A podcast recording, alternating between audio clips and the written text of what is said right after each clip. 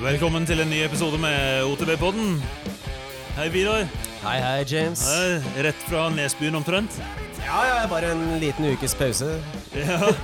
Jeg syns vi klarte oss bra i Nesbyen. da.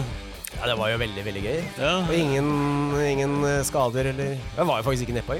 Nei, ikke jeg heller. Det var ikke noe vits i å bruke hjelm eller pads eller noen Nei, Det var det vi var enige om. Det, det eneste jeg angrer på, er at jeg tok på meg pads og hjelm. og alt det greiene. For det var bare unødvendig vekt. Ja, det var bra. Men jeg følte at vi hadde sånn bra fart og sånn, og det var egentlig voldsomt bra start for sesongen. Det var en fantastisk måte å teste en ny sykkel på. Ja, vi, vi, vi tenkte jo det, at vi hadde god fart. Ja, og så kom det en Instagram-post Som knuste den teorien. som knuste drømmene. ja, og det er kanskje en liten, eh, en liten eh, eh, clue til hvem som sitter her som gjest i dag. Og det er ingen andre enn Simen Smestad, som er enduro, downhill-proff og trener og masse forskjellig som vi skal finne ut av. Velkommen, Simen. Tusen hjertelig takk. Veldig veldig kult at du kunne ta turen innom OTB-podden. Mm, det er veldig gøy å være her, og gøy å være på podkast. Aldri vært her før, så Ja, så det gøy. blir spennende. Ja, men det er bra. Og så i teit spørsmål, kanskje. Har du vært ute og sykle i dag? Jeg har det, vet du. Jeg var i Grefsen tidligere i dag, så det må det. Bakgården? da. Ja, det er det. Rett ved her, vet du. Så det, når det er så fint vær, så må man ut, vet du. Ja, jeg kan ikke huske å ha fått inn noen søknad om å sykle der i dag. Jeg håper det går fint. Ja, men det er bra. Det er bra. Eh, ja, altså eh, For de som ikke vet noe om deg, og eh, sikkert ingen som hører på som ikke vet om det, men uansett, eh, fortell litt eh, Hvis vi starter litt Vi pleier å starte litt i begynnelsen. Altså fortell litt om din sykkelbakgrunn. Hvordan starta det hele?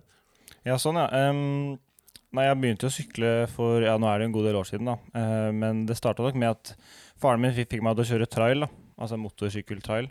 Da var jeg vel ni-ti år, tror jeg. Og så drev jeg med det en god stund.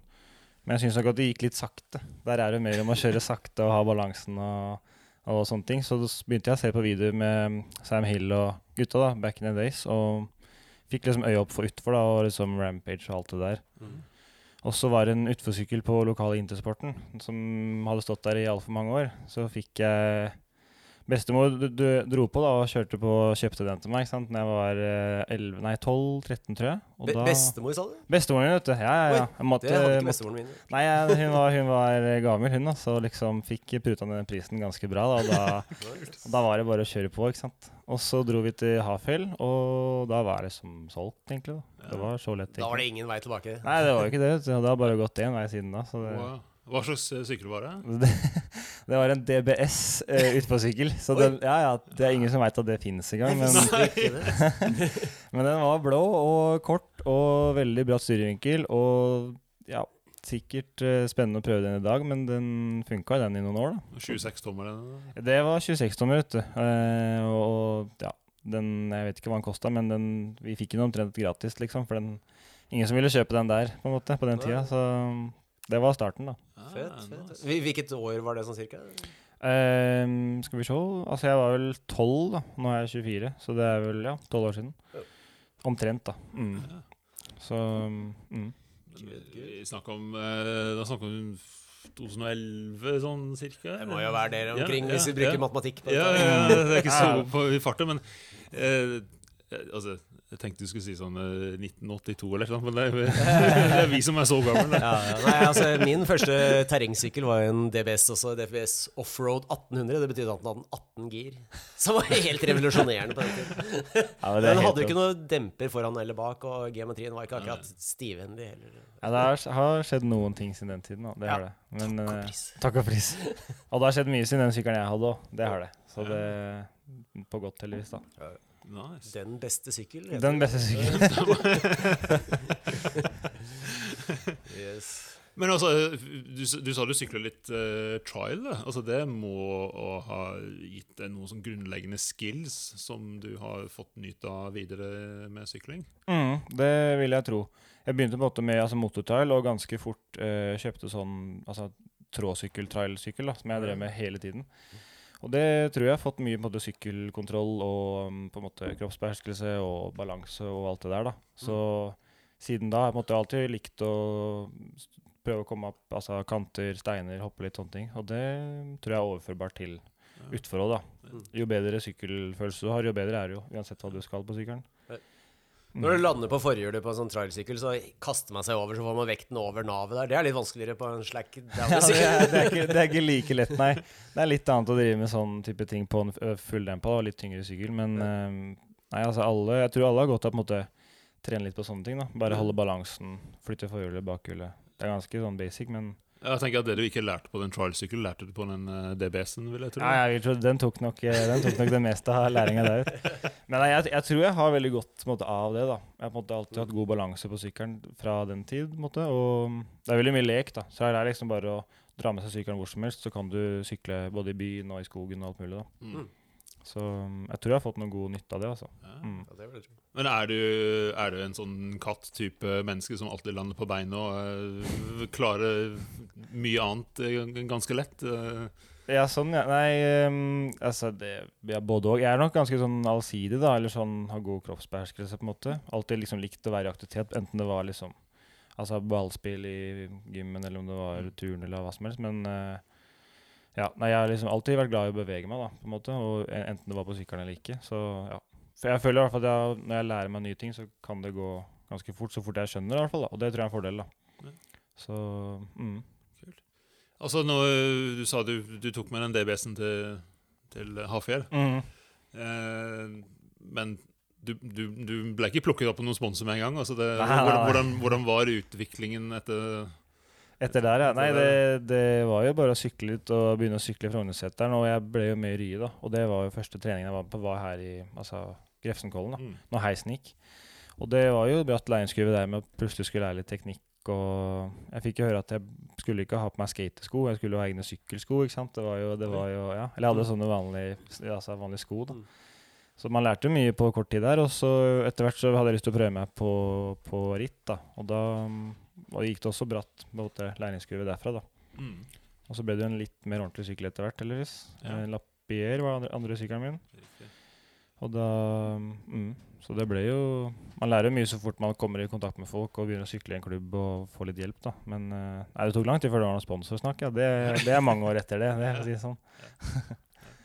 Ja, ja, Grefsenkollen, den, eh, den, den var, det var noe konkurranse der før, men nå altså, du, du nevnte før vi begynte podden at eh, de løypene de faktisk ligger der skjult under gress. og sånn. Det er noen som begynte å grave de litt framover. Mm, mm. Altså Den gamle utforløypa, eller den norgescupløypa, er jo der, og den er jo omtrent stein hard.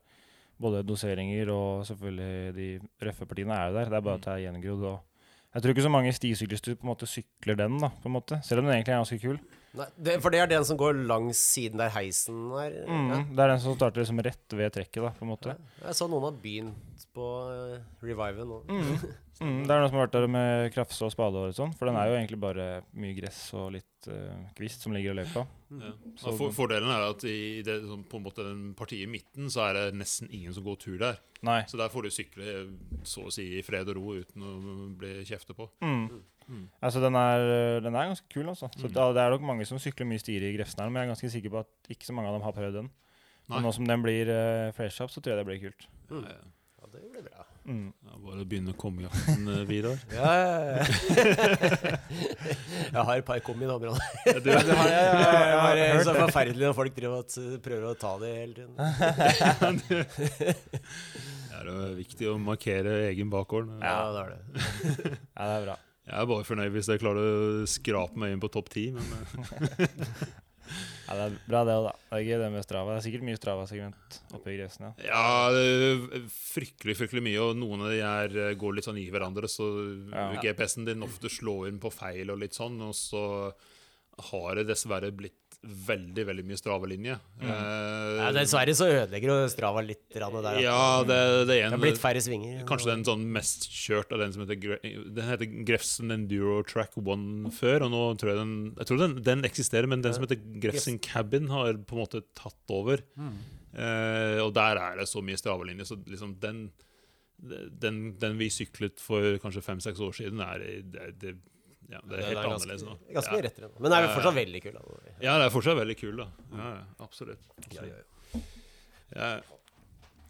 Så eh, når eh, Ja, så, men eh, når, når- var det du, du begynte å se eller skjønne at du hadde litt hva skal jeg si, sånn talent kanskje utover at du, at det gikk kanskje litt raskere enn andre? Og, Ja, det er jo på å si godt, øh, godt spørsmål. Jeg er litt usikker. Jeg begynte på en måte å sykle Altså når jeg begynte å sykle ritt, da, så var jeg 15-16-klassen. da Altså 15-16 år. Eh, og hva skal jeg si heva meg ikke så mye der liksom til å begynne med. Det var mye bare for gøy, og jeg hadde lyst til å prøve meg. Og så, um, etter siste året mitt, da 15-16, da, så vurderte jeg å begynne på, på NTG, altså i Lillehammer. For da var jeg, kom jeg i prat med han som skulle være treneren der, da, at de de hadde lyst til å prøve et sånt prosjekt med å ha utforsyklister der også. Og da tenkte jeg mer sånn, hadde lyst til å gjøre det litt mer seriøst. da, Legge litt mer i det og ta det litt mer alvorlig. For det er jeg syns er gøy, som gjør noe 100 da.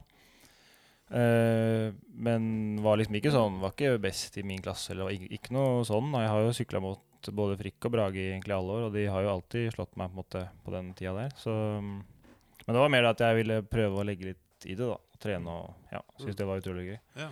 Så ja. Det er egentlig fordi jeg syntes det var gøy jeg begynte, ikke fordi jeg trodde jeg var noe god. det, var, det var mer sånn fordi jeg ville bli bedre, da. Ikke sant? Ja. Så, mm. Det er vel den ruta de fleste går, bare at vi ikke ender opp uh, i profflivet.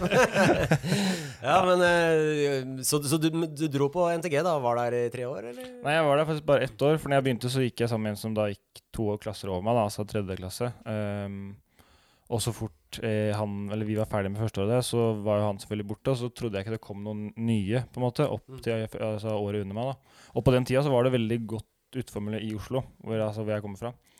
Så det var litt sånn fristende å, å snu, altså komme tilbake da, for å være med i den bra gjengen som var her, da, og det var så mange som sykla. da. Fordi vi, vi må liksom sykle sammen og ha noen til å altså, henge oss på, på en måte, pushe hver, hverandre. da. Og det mista jeg på en måte litt på altså, i der, da, NTG, etter at han ene var ferdig der. Mm. Og så hadde jeg måte lært så mye med trening og sånn at jeg følte jeg kunne på en måte lage eget opplegg og klare meg på en måte med trening selv. da. Det er, eh, det er jo det er ikke hokus pokus, det er bare å dra på gymmen og gjøre et eller annet, så er du på en måte på god vei. da, Men eh, selvfølgelig å ha et opplegg hjelper. da. Så da ja, valgte jeg å flytte hjem, og angrer egentlig ikke på det. da, For det gikk veldig bra med de der hjemme. Og jeg, fikk, jeg begynte på idrettslinja her da, i Oslo. Ja. Mm. Så jeg fikk tid til å trene og ja, hadde sånn toppidrettsfag og sånn, så det var ikke noe problem å få trent i skoletid òg, da. Var det, var det Frognerseteren du bruker da for å få, for å få litt mengde og sånn? Ja, eller vi sykler utfor i Frognerseteren. Det har vi gjort på en måte med Rye i egentlig alle år, etter uh, Grefsen ble stengt. Mm. Og så bor jeg jo nærme Østmarka, da, så jeg har sykla ganske mange timer der på sti. Um, og selvfølgelig Hafjell når det er åpent, og Drammen er liksom også veldig bra, da. Mm. Så, men de fleste timene er jo stort sett på stisykkelen i Østmarka for min del, da. Mm. Mm. Mm. Så um, Så, så når, du, når du trener, er det altså, Hvor mye går det på styrke, og hvor mye går det på sånn type utholdenhet og sånt? Og, Uh, ja, så jeg ser bort fra at man, er skada, som jeg har vært en del i de siste årene, så er jo styrke og utholdenhet en stor del av, i hvert fall for oss nordmenn på vinteren, da, hvor vi ikke kan sykle utfor selv. Så da er det på en måte styrke som er viktig, og vi har jo noen timer på rulla òg, tror dere jeg. Um, og prøver å sykle på, på snø, da, selvfølgelig med piggdekk, men styrke er liksom viktig, da, og det å ha utholdenhet. Det er jo, utfor er jo på en måte en idrett som trenger litt av alt, på en måte. Også selvfølgelig veldig teknisk, og det med det mentale er jo nesten størst. Men um, man må ha styrken, og man må ha utholdenheten da, for å holde på 100% i de få minuttene vi kjører, da. Rett og slett. ja. Så det er veldig, veldig viktig. Og vi nordmenn, som, altså vi som bor her hvor det er mye kaldt og snø, vi må jo prøve å ta de utenlandske på en måte, eller de andre på noe annet, da, siden de sykler veldig mye mer enn oss. da. mm. Og da må vi i hvert fall stille opp, prøve å være sterke og god form. i hvert fall. prøve i hvert fall. Jeg får litt sånn inntrykk av at Adam Brayton egentlig først og fremst trener styrke og sånn, og så sekundært kjører. Ja, det kan stemme. Det er nok uh, forskjell på hvor hardt de tar det på en måte med styrkedelen. Da. Og det Mm. er forskjell på hvor ivrig Eller hvor eh, altså, seriøse de er. Da. Det er jo, har jo hatt noen som ikke virker sånn, men jeg tror i hvert fall nå så er de ganske seriøse, de som er i verdenstoppen. Da. Sånn med Mm. både fysisk og altså kosthold og trening og alt sånt. Da. Så det skal mye til for å hevde seg der. Da. Ja, du ser han Amle Piron. Piron, ja. Han er jo Ja, han, var- han var skada litt, så plutselig så kom han tilbake og var liksom nærmest bodybuilder, og vant plutselig nesten alt. Ja, de, de, er godt trent, de der, altså. Og de er eh, Ja, du skjønner at de kan tåle å kjøre fort, da. Og tåler å ja, holde på litt når de er godt trent. Da. Så det er veldig veldig viktig. Trynet, ikke minst. Ja, ikke sant? Du må ha noe muskler å lande på, da, helst. Mm, mm. Eller fett, da. Men eh, mest eh, gunstig med muskler, da. Ja, hvis du bygger en skikkelig stor vaskeball istedenfor vaskebrett, så har du jo mer Ja, det er cushion. sant. Ja, altså Det er egentlig bare fordeler, da. Det er det. Altså, Vi var litt inn på det nå, men altså, du, du er en norgesmester i både downhill og enduro. Kanskje ta det først. Altså, var det norgesmester i downhill som kom først for deg? Ja, tenker du på sånn eh, dato, liksom? Eller hva Ja, som var ja. prioritert? Å ja, sånn, ja. Um, um, tenk meg om. Altså, jeg var først Jeg ble jo norgesmester i junioren i 2015. Ja. Da vant jeg den første gang. Um, og i senior så har jeg aldri vært det før 2021, da. To, Mm. to år siden. Ja. Og da var det utfor NM helg, en helg eller to helger etter altså Drammen, nei, um, Nesbyen Enduro. Um, NM der. Så jeg hadde ikke planer om å kjøre Nesbyen. Nei. For jeg ville ikke risikere å skade meg eller tryne på en måte før NM, da, som er viktig for meg. utfor NM. Men så ble jeg liksom utforgutta litt gira, da. Jeg og to andre. Så vi liksom ah, Søren, skal vi dra, liksom? Og meldte oss på, tror jeg, på torsdagen da, den helga, og dro opp. Vi, hadde, vi tenkte at det hadde vært litt gøy å lage litt ugagn med enduro-gutta. Prøve å slå dem, ikke sant. Og stå liksom, i hvert fall at noen av oss var på pallen eller noe, hadde vært kult, da. Men vi tok det jo ikke sånn veldig seriøst. altså Vi tok det for en trening og for at det skulle være gøy, da. Det er litt sånn enduro er for meg, da. Litt sånn treningsform, og at det er veldig gøy, da. Mm. Så ja, og jeg hadde ikke noe verken forventninger eller eh, når folk Vi ante ikke åssen det hadde gått når vi kjørte. Så folk spurte åssen det hadde gått. Det er bra, det hadde gått fint. Det, liksom. det var, jeg var veldig fornøyd. Men jeg trodde ikke jeg skulle vinne. Det trodde jeg ikke. Um, så det var veldig gøy. Og, det, og så kom utfor en, en eller to uker etter det igjen, da. I 2021, da. Ja. Og så var det omtrent det samme i fjor, da. Bare. Men ja. Ja, Så du meldte deg på eh, den NM i Drammen også bare sånn i siste liten, eller? Ja, det var liksom Jeg så at det Eller jeg, jeg må ha vært litt tidlig ute, siden det ble fullt og sånn. Men jeg passa bare på meg at ok, jeg melder meg på, da, i tilfelle jeg har lyst til å kjøre det. på en måte Og så passa det også fint i, i kalenderen, og da var det gøy å kjøre det òg. I hvert fall når man liksom har en trøye og skal på en måte forsvare den, da. Men uh, det er utfor som er liksom Den trøya er viktig for meg, på en måte, både med poeng og og teste meg der. Mens enduroen er en veldig fin bonus da, og fin trening. på en måte. Og veldig gøy når det går bra, da. Det må man jo si. Mm. Men øh, du var ble, Vant du Altså, i fjor vet jeg at du vant både NM og i, enduro og downhill. Var det samme 21? Mm. Det var liksom begge de to forholdene. det du har holdt den trøya i begge grenene to år på rad. Ja, jeg klarte faktisk det, da. Jeg gjorde det. Fire NM-titler på kort tid. Ja, det var fire på to år, så det er jo utrolig gøy, da. Så det var jo, men det var litt annen approach i fjor, da når man plutselig skulle forsvare da, i enduro, da, som jeg liksom vanligvis tar som veldig sånn lavterskel, eller sånn senker skuldrene på en måte og har det gøy, da. Men det, det gikk jo fint, det òg, da. Men, øh, men øh, altså, jeg ble jo slått av Jostein, da, sånn i totalt på tid. Ja, Han Da- var jo bare så uheldig å stille i masterklassen. det Det var jo akkurat det. generaltabbe. Så det, det er kult, da. Så for meg da så ser jeg på det rittet som en andreplass, liksom. Mm. Fordi han Altså, kult å stå øverst for, for min del, men altså, jeg ville jo slått på en måte altså, Han burde jo selvfølgelig også vært det. For det hadde vært kult å ha han i vår klasse, selvfølgelig. Men uh, det var heldig at han ikke var det, for da fikk jeg trøya. Men, eh, Øh, Han skylder at han sandbagger. ja. men uh, han sykla veldig fort, da, så det var veldig gøy å se. Og eh, jeg har aldri sykla de stiene i Drammen altså annet enn utforløypene, på en måte, før. Så det var gøy. Det var litt, kanskje litt flatt for min del. på en måte Litt mye tråkking. Men uh, veldig høy fart. da. Og Mye tråkking, men ganske high speed. Da. Det Ja. Du må liksom tråkke en stund før det begynner å gå fort, og når det går fort, så går det veldig fort. da, En, en god stund. Så det var, var kult, altså. Mm. Men sånn som Nesbyen året før er nok mer retta for oss utfor gutta, da, hvor det er litt brattere. og ja. Så det der vant jeg med ganske god margin òg, tror jeg. Så det var jo veldig gøy, da. Ja. Så Det er, det er jo litt gøy at du bruker enduro litt som, eh, som liksom biprodukt. da. ja, det er jo veldig likt. da, Det er jo på en måte, det er jo teknisk idrett. Det er jo omtrent samme. Det er jo fem utforritt på en dag. Mm. Det er bare at du må tråkke, det er litt, altså kondis spiller litt mer, altså, har mer å si. Det har jo mye med å si, egentlig. Mm. Men, men det er, samtidig så har jeg hørt i flere andre sammenhenger, også internasjonalt, at uh, den som vant en enduro, ofte bare tok litt lett på det og følte at alt bare gikk eh, Det gikk bare smooth, liksom. Mm. Det er jo litt det å holde Holde den smoothe følelsen gjennom en hel dag kan jo være til Mm. hjelp i akkurat enduro. da. Ja, det er, det er, for meg er det en helt annen kjørestil da, å kjøre Mm. enduro eller å kjøre utfor.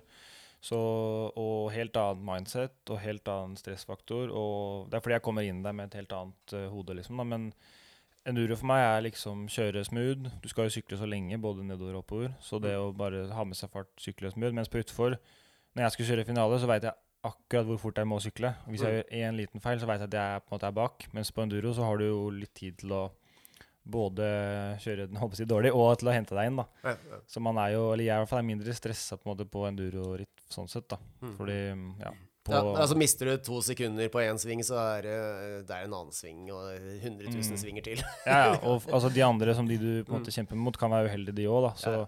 sånn som i fjor på Drammen, så tryna jeg liksom to ganger. da, Tryna Mm. på første etappen. Og det er ikke en god start. Da blir du liksom stressa og sånn. ikke sant?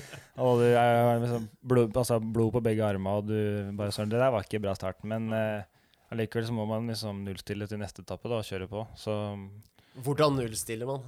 Nei, det er jo liksom Det er jo på en måte å tenke på at nå er det et nytt, Det er en knapp på sykkelen. Ja. Ah, ja, på nullstill. DBS-teknologi.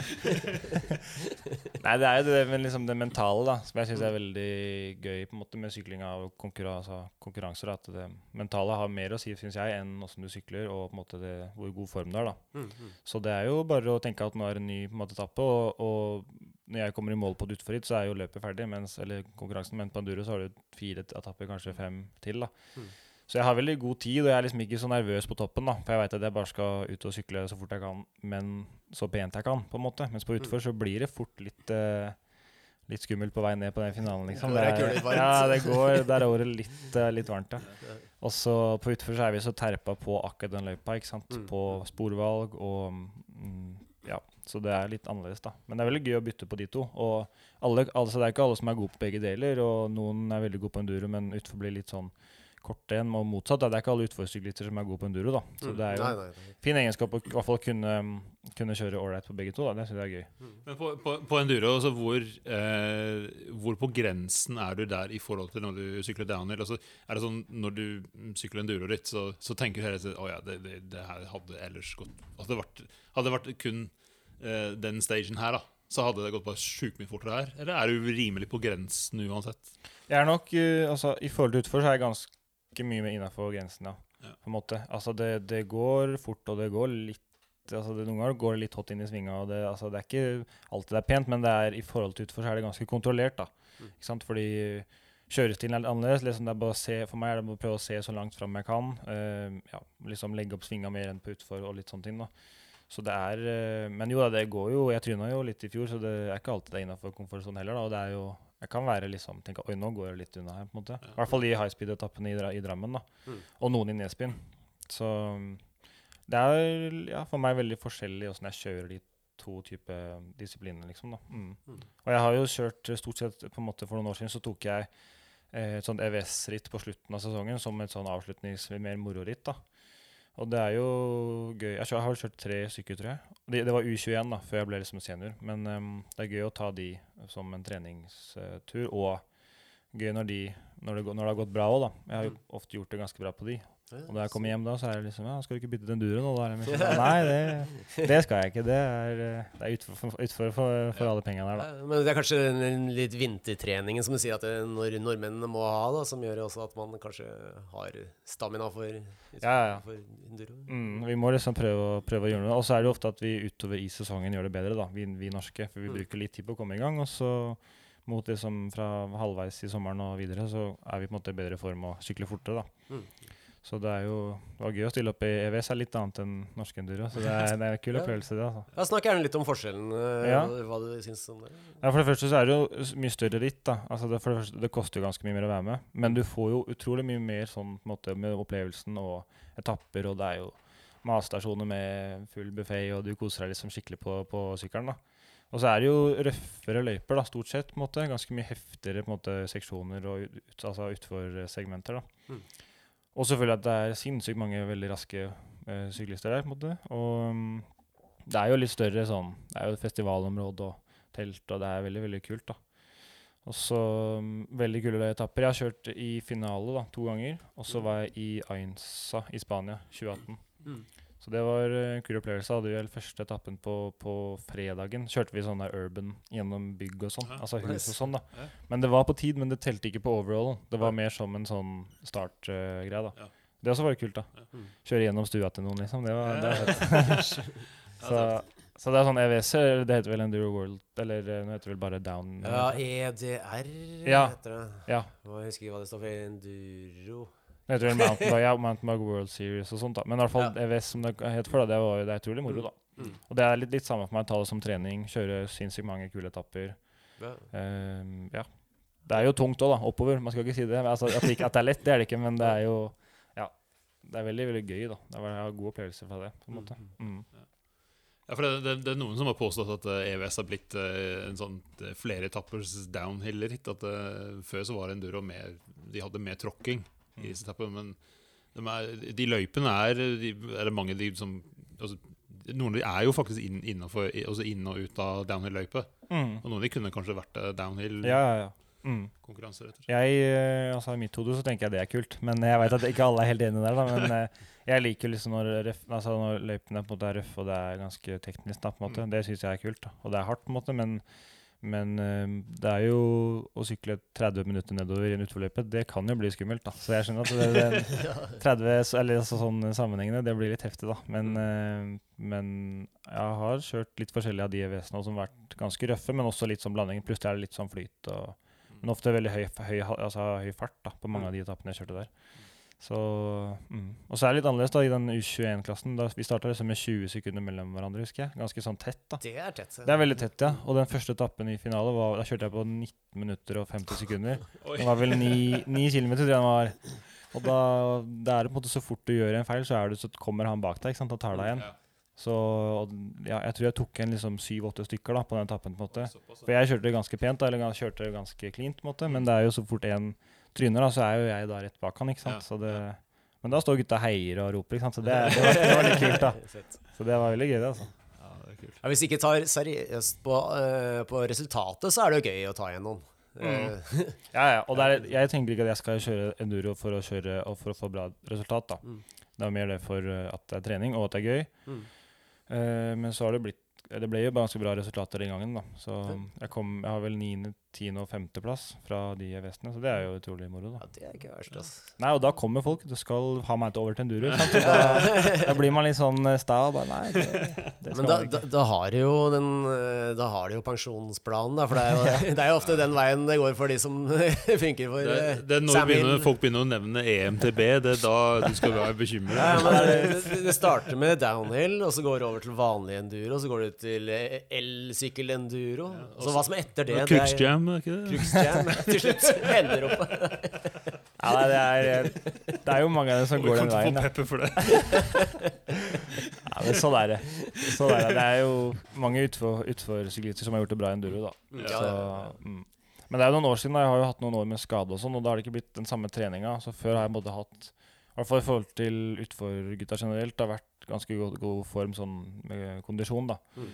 Så å tråkke langt eller sånn har liksom aldri Det har vært veldig Det har vært, bare, vært bra, det ikke noe problem. Men um, ja, noen år med skade gjør liksom at du får ikke trent som du pleier, da. Ja. Så det, jeg er veldig fornøyd med at eh, med de endurorittene jeg kjørte. Jeg har kjørt to de siste, siste åra, og liksom begge var NM. Så det er gøy, da. Mm. Orke å sykle opp og ned en hel dag. Det får holde.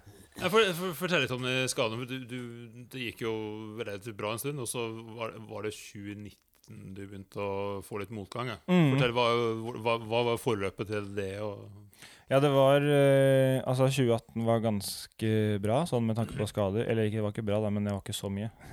Det var, eh, I 2018 så brakk jeg vel bekkenbenet, på en måte, og ribbeinet og sånn. Men eh, det gikk jo fort over, da. Og så vinteren 2018 til 2019 var kanskje den beste jeg har hatt sånn offseason med, med mye trening. og var kanskje litt sånn fysisk sterkest jeg har vært, og sykla utrolig mye sti. Jeg tror ikke det var så mye snø i Oslo, jeg sykla masse sti. ikke sant? Mm. Det er bra. Ja, og, eh, og så var jeg ganske lenge i Wales. Jeg var en måned der med Frikk og Ole Herman og sykla masse der. Og mot slutten av samlinga så merka jeg liksom litt smerter i kne. da. Eh, Jeg tenkte ikke så mye over det, egentlig, og dro hjem og kjørte på med trening en måned før jeg dro til Uh, Kjørte verdenscup i Slovenia, i Maribor. Og da merka jeg liksom at det kneet det gjør så sykt vondt på en måte, at eh, jeg sleit på en måte med å sykle og gå og alt mulig. Men eh, kjørte jo for det, da, selvfølgelig. Eh, og en uke etter det igjen ja, Det var IXS. Og så uka etter det var det verdenscup i Maribor. Det var to ritt samme sted. To, to eh, helger på rad. Eh, og da tryna jeg ganske hardt på skulderen min, da. Så jeg ja, slo meg skikkelig, på en måte, men skjønte ikke alvoret av den helt da. Så jeg komprimerte det ASA-leddet mitt i skulderen min og ødela noen sånne myke greier som ikke er bra. Ja, så, og etter det så tok det egentlig bare lang tid. Jeg skjønner, liksom, ikke, fant ikke helt ut av skadene. Prøvde å sykle litt, det funka ikke. Sykla noen utenlandsritt og sykla noen ritt i Norge på en måte, med smerter, da, men det, jo, det ble liksom halvveis, så det er ikke noe gøy. på en måte. Så fikk jeg jo etter hvert hjelp eh, både på Olympiatoppen og Ull, altså Ullevål med flinke ortopeder som fant ut at det her var noe surr. Så vi måtte inn og se. da, Gikk kneet mitt. da, Begynte med det. Og så opererte jeg det i nei, november da, 2019. da. Så hele den sesongen gikk på en måte bort med å bare surre. og ja. Så opererte jeg skulderen i kneet der og fant ut at det var jo en altså Ikke en alvorlig, ikke en stygg skade, men det var en bruskskade. Ja. Som da er veldig Altså ikke bra, da. Det blir jo på en måte ikke bra igjen. Så de gjorde det beste de kunne der, og um, ja, fiksa på en måte så de kunne. da, Men brusk gror ikke, som jeg har skjønt, og det, det er dumt. For den, den trenger man. Ja. Men det, det var i samme tryne? Nei, det som var, var at jeg hadde ikke tryna på det kneet mitt, trodde jeg. Mm. Ikke sant? Så jeg syns jo det var mer en belastningsskade. Ja. Men når han ortopeden kom inn til meg etter operasjonen, så sa han at det her må ha kommet fra et fall.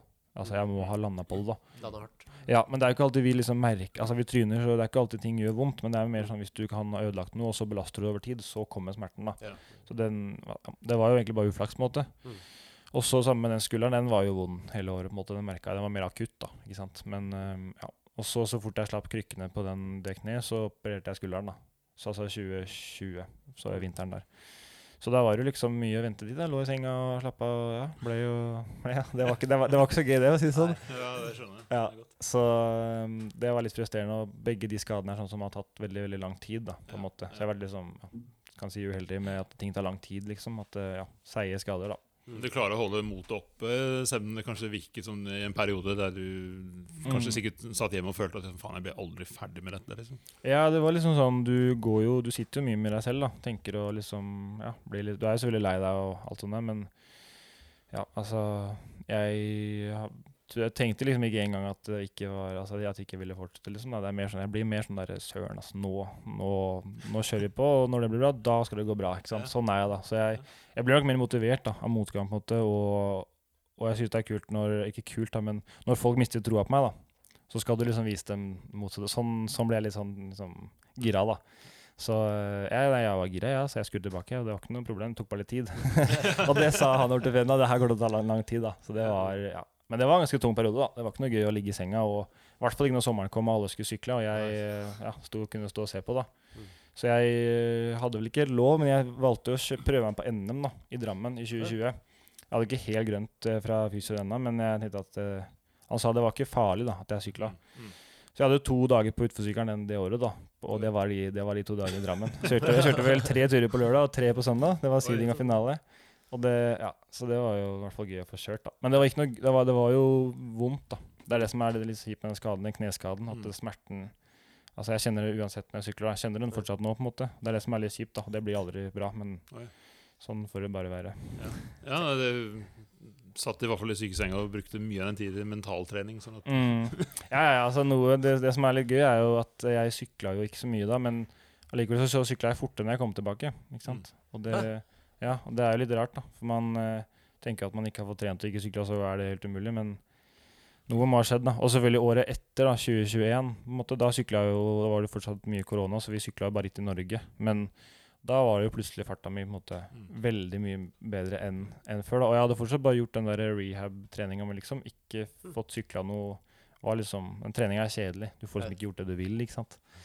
Men det gikk jo veldig bra der. da, og liksom, Jeg vant vel alle norgescupritt og vant NM utfor. Og, ja, det var den enduro. Og, ja, og- Så og came den- back swinging, rett og Jeg Ja, gjorde liksom det, da. Det, så det er jo gøy. Han eh, Niklas, landslagstreneren, han eh, sier jo at han han føler ikke han kan bruke meg som et eksempel til de yngre. For du kan, kan ikke si at du skal ligge på sofaen i et år, og så sykler du fortere. Det går liksom ikke, da. Men, eh, men det er der det mentale kommer inn. da. Det er det jeg syns er veldig, veldig givende og veldig gøy. da. Men at det mentale har utrolig mye å si, da. Så Jeg snakker om at en trenger en hvileuke en gang iblant. Men du trenger et hvileår. Ja. to hvileår, så blir du god. du. Det er det som skal til. Ja da. Jeg dro på Drammen Enduro rett fra ferie, og det var ikke noe sjakktrekk. Nei, da, da er man ikke sånn mentalt på heller, det syns jeg i hvert fall. Absolutt ikke. Nei, du skal være på, da. Det skal du. Så, men nå er jeg på en måte veldig mye bedre enn jeg var da. Altså, Jeg har mindre smerter i kneet. Jeg har fått trent en god del. på en måte. Um, I fjor hadde jeg liksom fem stiturer, og i år, altså 2021 var eneste stituren min var NM enduro. Mm. Så i år har jeg allerede sykla mer sti enn jeg har gjort både i fjor og året før, da. Så jeg er veldig fornøyd med det. Nice. Skulderen funker ganske bra, og ja, det er liksom alltid noe, men det er bedre enn det har vært, da. Og det er jeg veldig fornøyd med, da. Så da håper jeg at det ikke blir så mye smerter i år, så jeg kan kjøre litt sånn jeg vil, da. Ja. Hadde vært gøy å få opplevd ett ritt hvor jeg ikke hadde vondt. Den, uh, vi får se om det skjer, men uh, ja, vi får prøve i hvert fall. Smertestillende. Smertestil. Ja, de er jeg blitt god venn med. for å Si det sånn. Altså, ja. Nei, men uh, veldig klar for årets eh, sesong nå, da. Jeg Ja. føler meg Men, liksom men jeg, jeg hører jo her at du er, må jo være ganske god på det mentale, da, siden du plutselig kan komme tilbake sterkere. Hva, hva gjør de opp, i tiden opp til et ritt for å, for å liksom bygge, bygge den riktige tankesett og liksom ha den riktige følelsen når du starter, står på startlinjen? Ja, det er jo på en måte resultatet av måte, Hva skal jeg si Flere år med sånn med sykkel. altså Jeg har jo god erfaring. da, Sykla veldig mange ritt. ikke sant? Mm. Men også er det mer det at jeg har blitt altså hva heter det, Man blir vel uh, rutinert holdt jeg på å si, på åssen man liker å ha det, hva forberedelser man gjør, åssen man vil ha det på start. ikke sant, Alt sånt der. Så jeg holdt på å si, jeg gjør veldig mye sånn um, altså Se på GoPro-videoer fra løypa sånn, hvis jeg ikke har vært der før. Hvis jeg skal til et ny, nytt sted. Uh, liker å på en måte se mest mulig der, men man skjønner, man ser jo ikke åssen ting er før man går, da, selvfølgelig. Men, uh, men det hjelper meg veldig mye, da. Også, altså sånn med tenke og på en måte gjøre klar sykkelen, gjøre, tenke på hvordan man skal legge opp treninga. For du får jo ikke så mange runs på utfor. Det er liksom ja, tre til seks da, på treningsdagen, og så kanskje to-tre på morgenen før seeding. Så det er det å ha en liten sånn plan, prøve å holde den. Um, og så er det viktigste din, de timene før en seeding eller kvalik, da, eller finalerun, da, de timene du har der, på en måte, med åssen man vil ha det, da. Og i hvert fall sånn på start, da. Det er jo liksom den siste timen man kanskje merker at man har litt uh, sommerfugler og er nervøs, da. Og det er den som tar lang tid å på en måte bli vant til, og det er den som tar også lang tid å prøve forskjellige ting, da, åssen man liker å ha det, da. Ja. Noen er jo hørt på musikk og gå inn i bob bobla liksom og bli helt borte. Jeg var det litt før òg. Mm. Men nå har jeg funnet ut at jeg liker det veldig sånn avslappa og bare Jeg har sjelden på musikk, og jeg ja, vil gjerne ha liksom, noen å prate med. Sånn Hvis jeg er på toppen på no- i NM og sånn med de andre gutta, så prater vi og tuller litt. Og liksom, det er god stemning, da. Så for min del så er det når jeg har det gøy, enten i løypa eller i liksom, omgivelsene rundt ritt, så gjør jeg det bra, da. Mm. Så det er viktig for meg på en måte å tenke at eh, ja, skal ha det liksom Føle meg bra, ha det gøy. ja. Jeg merker det er mange som er litt forskjellige der. Sånn André Aamodt, han sa bare 'ikke prat med meg'. Nei, jeg vet, det, er, det er veldig mange forskjellige varianter her, da. og det er veldig individuelt, tror jeg. da. Så det, og det tar lang tid å prøve og feile litt på det, liksom. Men eh, altså, de fleste er nok mer sånn, da. At de går inn, setter på mm, altså, headphones og hører på har musikk eller det man liker å høre på, liksom, og fokuserer helt. Men jeg merker at hvis man gjør det for eh, seriøst, så blir man veldig, da bygger man opp en spenning som man kanskje ikke takler på start. da. Ja, ja. At det blir litt for Ikke seriøst, men litt for sånn snevreint til det du skal gjøre. da. Mm. Og at du hyper deg selv litt for mye opp negativt. da. Ja, det, Du- kan bli, det kan bli nesten bli litt redd av å Ja. være for gira. Ja, det er akkurat det, da. Du må finne det der spenningsnivået du skal ha på start. Ja. Om det er for lavt eller for høyt. Og så ja, prøve litt forskjellig der. Men ja. Mm. Det, det som hender skjer med meg, er at jeg er litt for avslappa på start. Så jeg nesten føler meg litt sliten. ikke sant? Ja. Altså Hodet går i sånn type forsvarsmodus at du nå nå er du redd, så nå må du roe ned.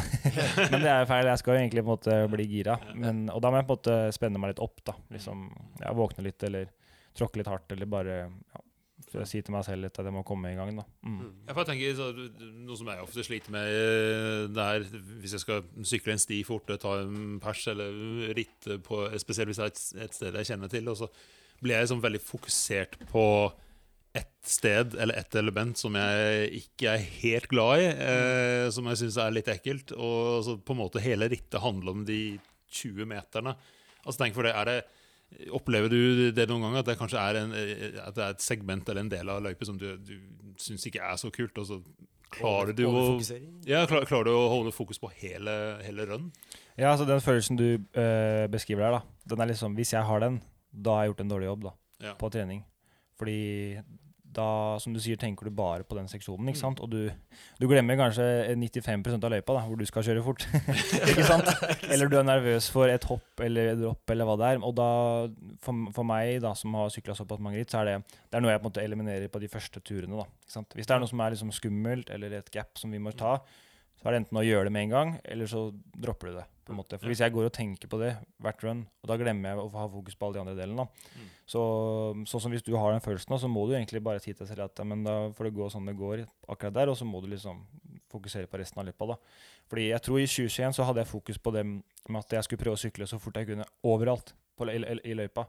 Selv om det var en 20 meters eh, altså gressflate liksom, som var flat, Mm. så skulle jeg på en måte 100% på den, den delen òg. Mm. Ikke bare der hvor folk tenker at her skal du kjøre fort, i, et, Mm. i en rock garden eller noe sånt. Da. Mm.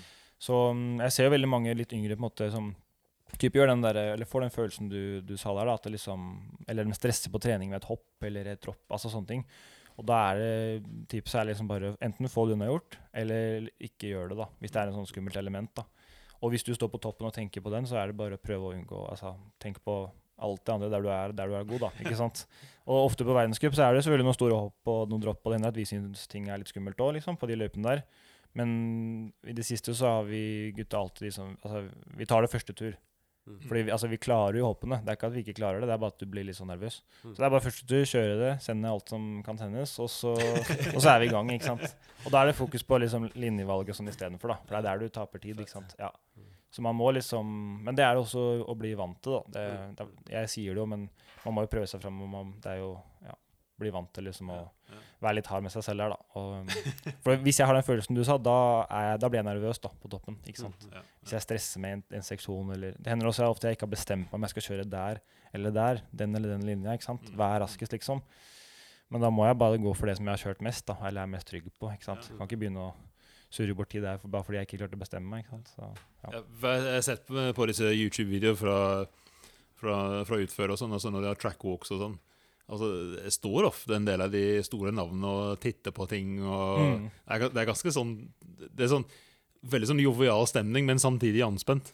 Ja, det er jo det, da. Altså, alle der skal jo prøve å kjøre fortest selv. Og um, altså, alle, alle de altså, gode, altså, gode både guttene og jentene er liksom, har sine altså, ting de er gode på, ting de ikke er så gode på. på en måte, Og det er forskjellig hva man fokuserer på på en trackwalk og på en trening. Men det er jo selvfølgelig de store seksjonene som er skumle, eller som er mye stein, eller som er, liksom, folk er usikre på, som folk bruker mye tid på. ikke sant? Og det gir jo veldig mening.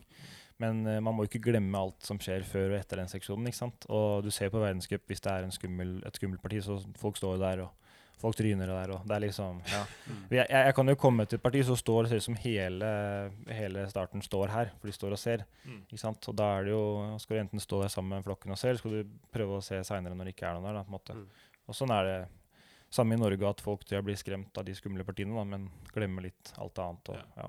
Jeg hørte var jeg, sånn, en av de EVS-proffene, jente, som sa det samme om Nei, det jo- husker det var, var et av de rittene i fjor, i hvert fall, så var det en sånn skikkelig heng som eh, alle fokuserte på. Det var masse filming fra og sånn. Så hun sa at alle brukte så innmari mye tid på å tenke ut linje nede der. Men hun sa at hvis jeg bare kjører sakte der og bare gønner på etterpå, så tar jeg dem alle sammen. Ja, det er, liksom- det, er, akkurat det. da. Det er liksom akkurat sånn det er, hvis du, hvis du faktisk tenker deg om. da. Eh, fordi du kan Det er eh, jo en lang rettstrekk etterpå. Ja. Som var den som, den er, der er det jo mm, Der er det 20 sekunder, mens det Ja. henger, så er det kanskje enten tre eller fem sekunder. Det er liksom mer å hente på alltid før og etter. da. Og det, jeg tror Hvis man er litt bevisst på det, da, skal man prøve å kjøre fort, da, selvfølgelig på dritt, så er det, da tror jeg du liksom allerede er et steg over det du var da, før du, før du fant det der. på en måte. Så det, det er viktig, da. Men de, altså, de proffe i både utfor de er jo utrolig rutinert da, på det med trackwalk. og Altså, De kan jo se en seksjon og vite åssen det kommer til å funke når de sykler den. da, ikke sant? Og du ser jo ofte de aller beste kjøre linjer som man ikke har tenkt på. på en måte. Og så du, ser du ofte de som er hva skal jeg si, litt lenger ned på lista, som plutselig har noen sånne sinnssyke gaps. da, Eller sånn der Oh, wow, det der går ikke, liksom. Men så gjør de det. Ja. Men så kjører de ikke så fort resten av løypa. Nei. Ikke sant? Og de, de aller, aller beste gjør stort sett ikke sånne crazy ting. da. Det er bare at de er litt raskere enn oss overalt. Ja. Og kjører på en måte stort sett smoothest mulig linjer og liksom minst mulig altså, rot, da, på en måte. Mm. Og det Ja. Nei, det er, det, er, gøy- det er gøy å se når jeg ser Jeg så på GoPro-ene til Bruni i fjor fra Frankrike, i Lourdes der. Og jeg bare Å ja, det er en linje å kjøre. For jeg hadde, jeg, hadde ikke sett den engang, ikke sant, at man kunne kjøre der. Så du skjønner jo at de som er, har holdt på en stund og er gode, de, de har noen triks som ikke vi skjønner på en måte helt ennå. og Det er jo De har jo noen linespotters på laget som Ja, ja, ja. De har jo provd opplegg, da. Og de, ja. Så de får jo hjelp både fra flere kanter. Men ja, det er gøy å se at man eh, Det, er, det er mye å gå på for, for oss òg, liksom. da. Så det er, det, er, ikke- det er ikke sånn du sitter på YouTube og ser på trackwalk med Ben Caffro med den der ghosting og Nei, jeg, jeg pleier ikke å gjøre det. Det er litt gøy å se noen ganger, men jeg flest, ser stort sett bare på trening. da som Ja. Vital Raw og sånn. Og så go, hvis GoPro-ene til folka kommer ut. Det er veldig kult å se. da Mm. Og jeg sitter og ser på Jeg bruker GoPro veldig aktivt selv da på trening. Både på, I hvert fall på enduro. Mm. Hvis du bare får kjørt én tur, sant, så ser jeg på det. Men på utfor så sitter vi liksom kvelden før og, og, og ser på det ja, sikkert flere titalls ganger da hver video. Og gjerne hvis vi er to, da, så kjører vi foran og bak hverandre. Så ser vi hvor vi gjør forskjellige ting, og hvor man taper tid. Og. Så det er et godt verktøy for oss når vi er på race. da. Mm. Ja, hvis vi går over til eh, sykkeloppsett. Mm. Eh, hvor, hvordan er du som I forhold til sykkel, er, er, er du altså, Er du veldig nerdete på det? Er du litt sånn type set and forget, eller? Jeg er, eh, jeg er veldig opptatt av at sykkelen skal funke best mulig. da, på en måte. Jeg er liksom verken nerd på det eller at jeg gjør det på en måte enkelt og, eller kort og enkelt. Men eh, jeg tar meg selv i at liksom stille inn sykkelen også på en trening, sånn som en, hel, altså en, helg i Nesbyen. Det er ikke sikkert jeg gjør noen ting liksom, med sykkelen. Jeg sjekker at den er som den skal, altså med lufttrykk og sånn, og så kjører jeg bare. da. Men på ritt så blir det litt mer da kjenner, Vi kjenner veldig mye mer på et utforritt med løypa. da. Altså Sånn som å kjøre Val di Sol er ikke helt samme som å kjøre Hafjell. liksom. Det er to forskjellige ting. da. Så der er jeg på en måte, måte flink, men jeg skulle nok hatt både mer læring, altså noen som kunne det bedre enn meg, som kunne lære meg det, og jobbe med det selv. da. For det er utrolig mye å si sånn med dempersetup, eh, luft, altså styre, styrevinkler, altså høyde på styret, alt sånn der. da. Så jeg, jeg er nok ikke sånn generelt sånn sykkelnerd sånn på tall og ting og sånn. Jeg er ikke så god på det. Jeg vet ikke hva boost er, liksom, i sånn eller lengde og sånn. liksom. Jeg, jeg bryr meg ikke så mye om sånne ting, da. Så Hvor, hvor mye reach har det? Og den har jeg vel Nei, da skal vi se. Den er eh, 49, kan det stemme? Nei, 490? 490? 490 nei, 495. Ja, det høres, Ja, det høres riktig ut. 495, ja. høres ut som et mulig tall.